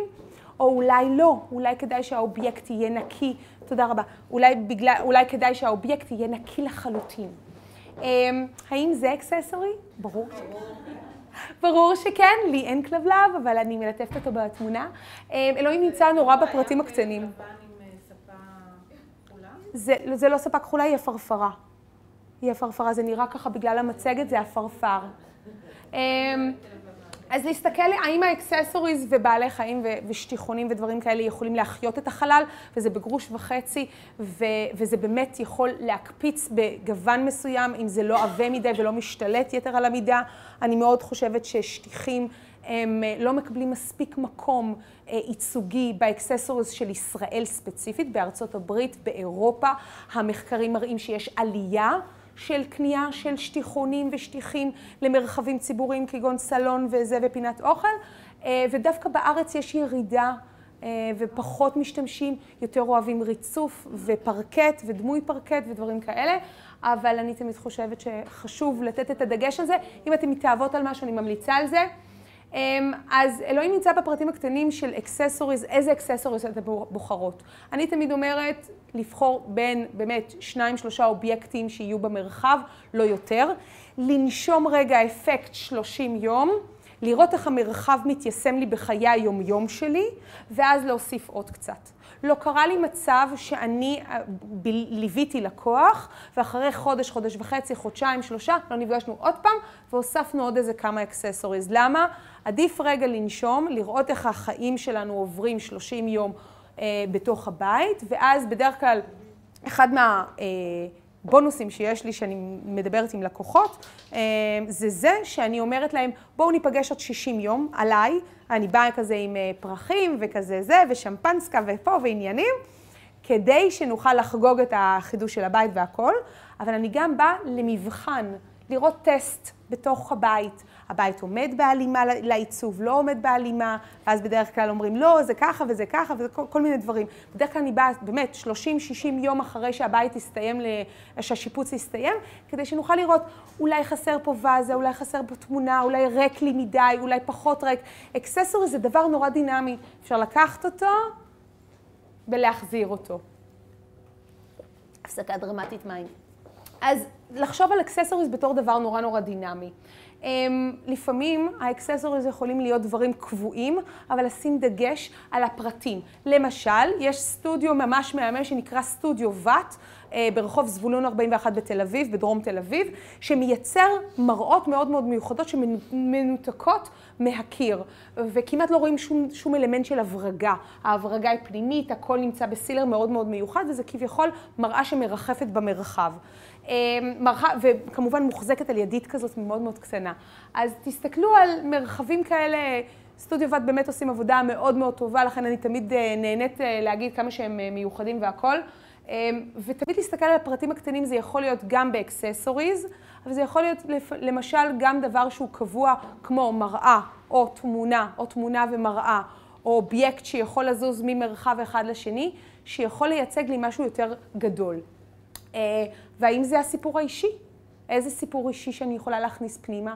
לפסל הזה ספציפית ללקוחה יש סיפור מטורף, והיא מחזיקה אותו כבר למעלה מ-25 שנה. וזה משהו שמספר את הסיפור האישי שלה, שם את זה בתוך חדר השינה. חלק מההוויה שלה עם ספרים ועם הנגרות, וזה דווקא משתלב.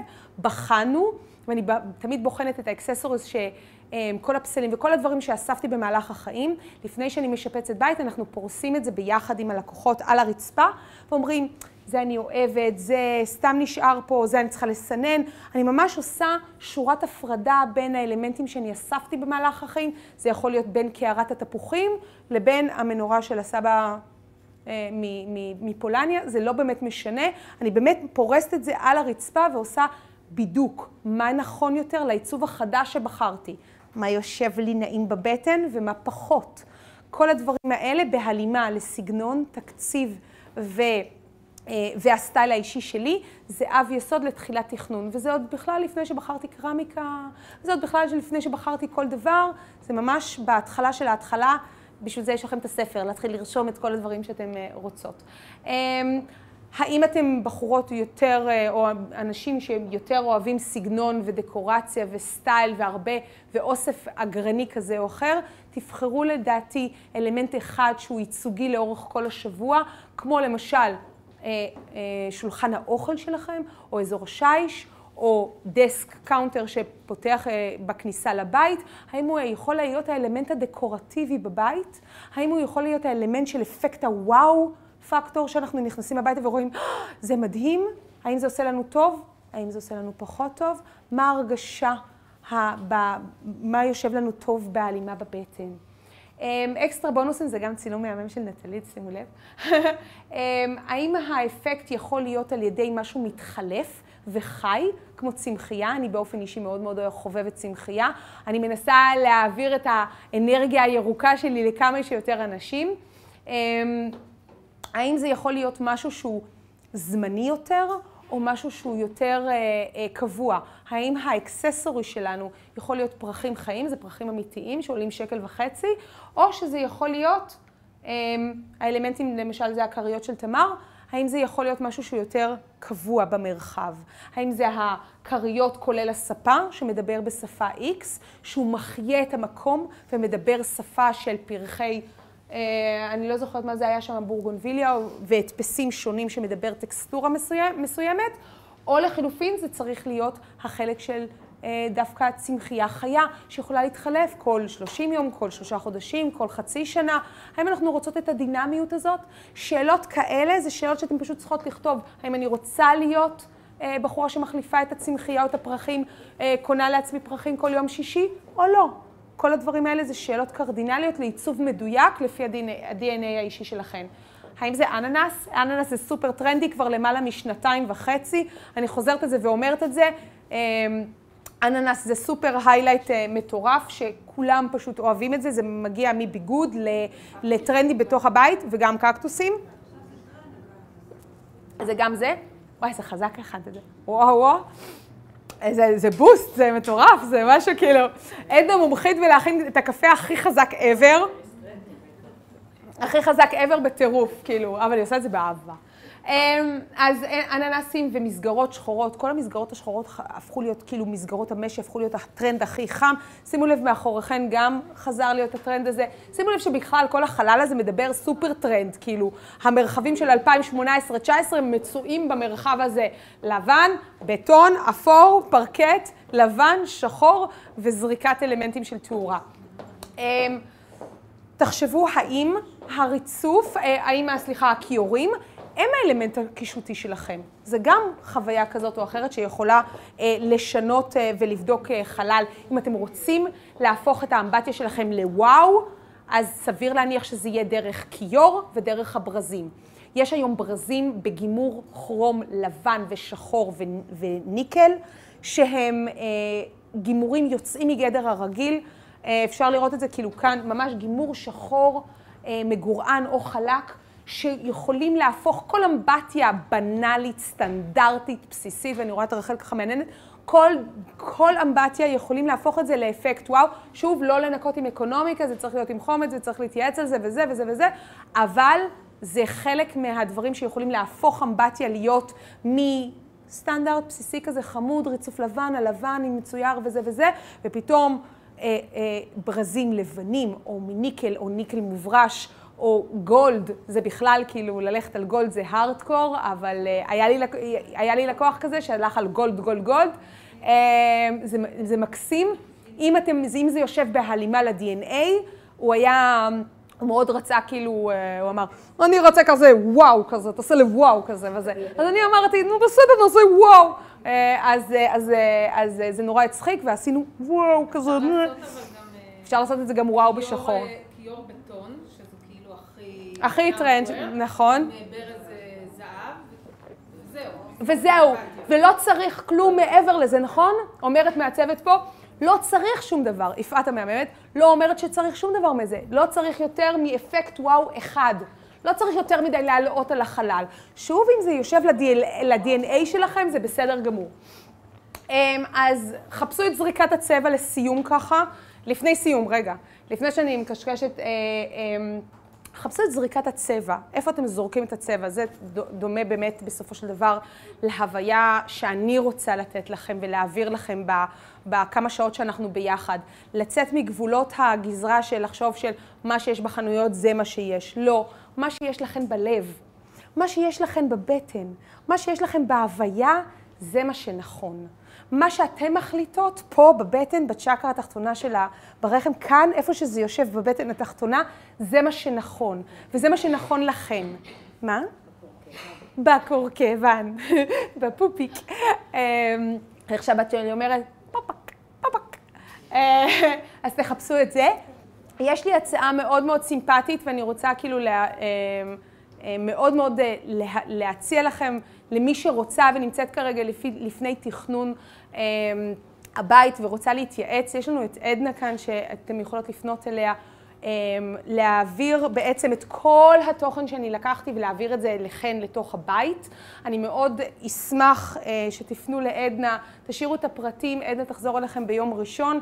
אם אתם רוצים בהצעה מאוד מאוד מיוחדת שיכולה לעזור לכם לדייק ולהכניס את כל, המאהבה, את כל ההוויה הזאתי אל תוך הבית שלכם, ובסופו של דבר ליצוק את ה-DNA האישי שלכם על ידי השאלון, על ידי ההוויה, ומי שמעצבת כאן, אני ממש ממש אשמח שתשאירו את הפרטים וניצור איתכם קשר לגבי התוכנית שעולה ברביעי לראשון, שזו תוכנית הליווי שלי, אמ, ונעשה הפסקה. אני נורא אשמח אם תלכו בבקשה לאדון גרגו כמהמם.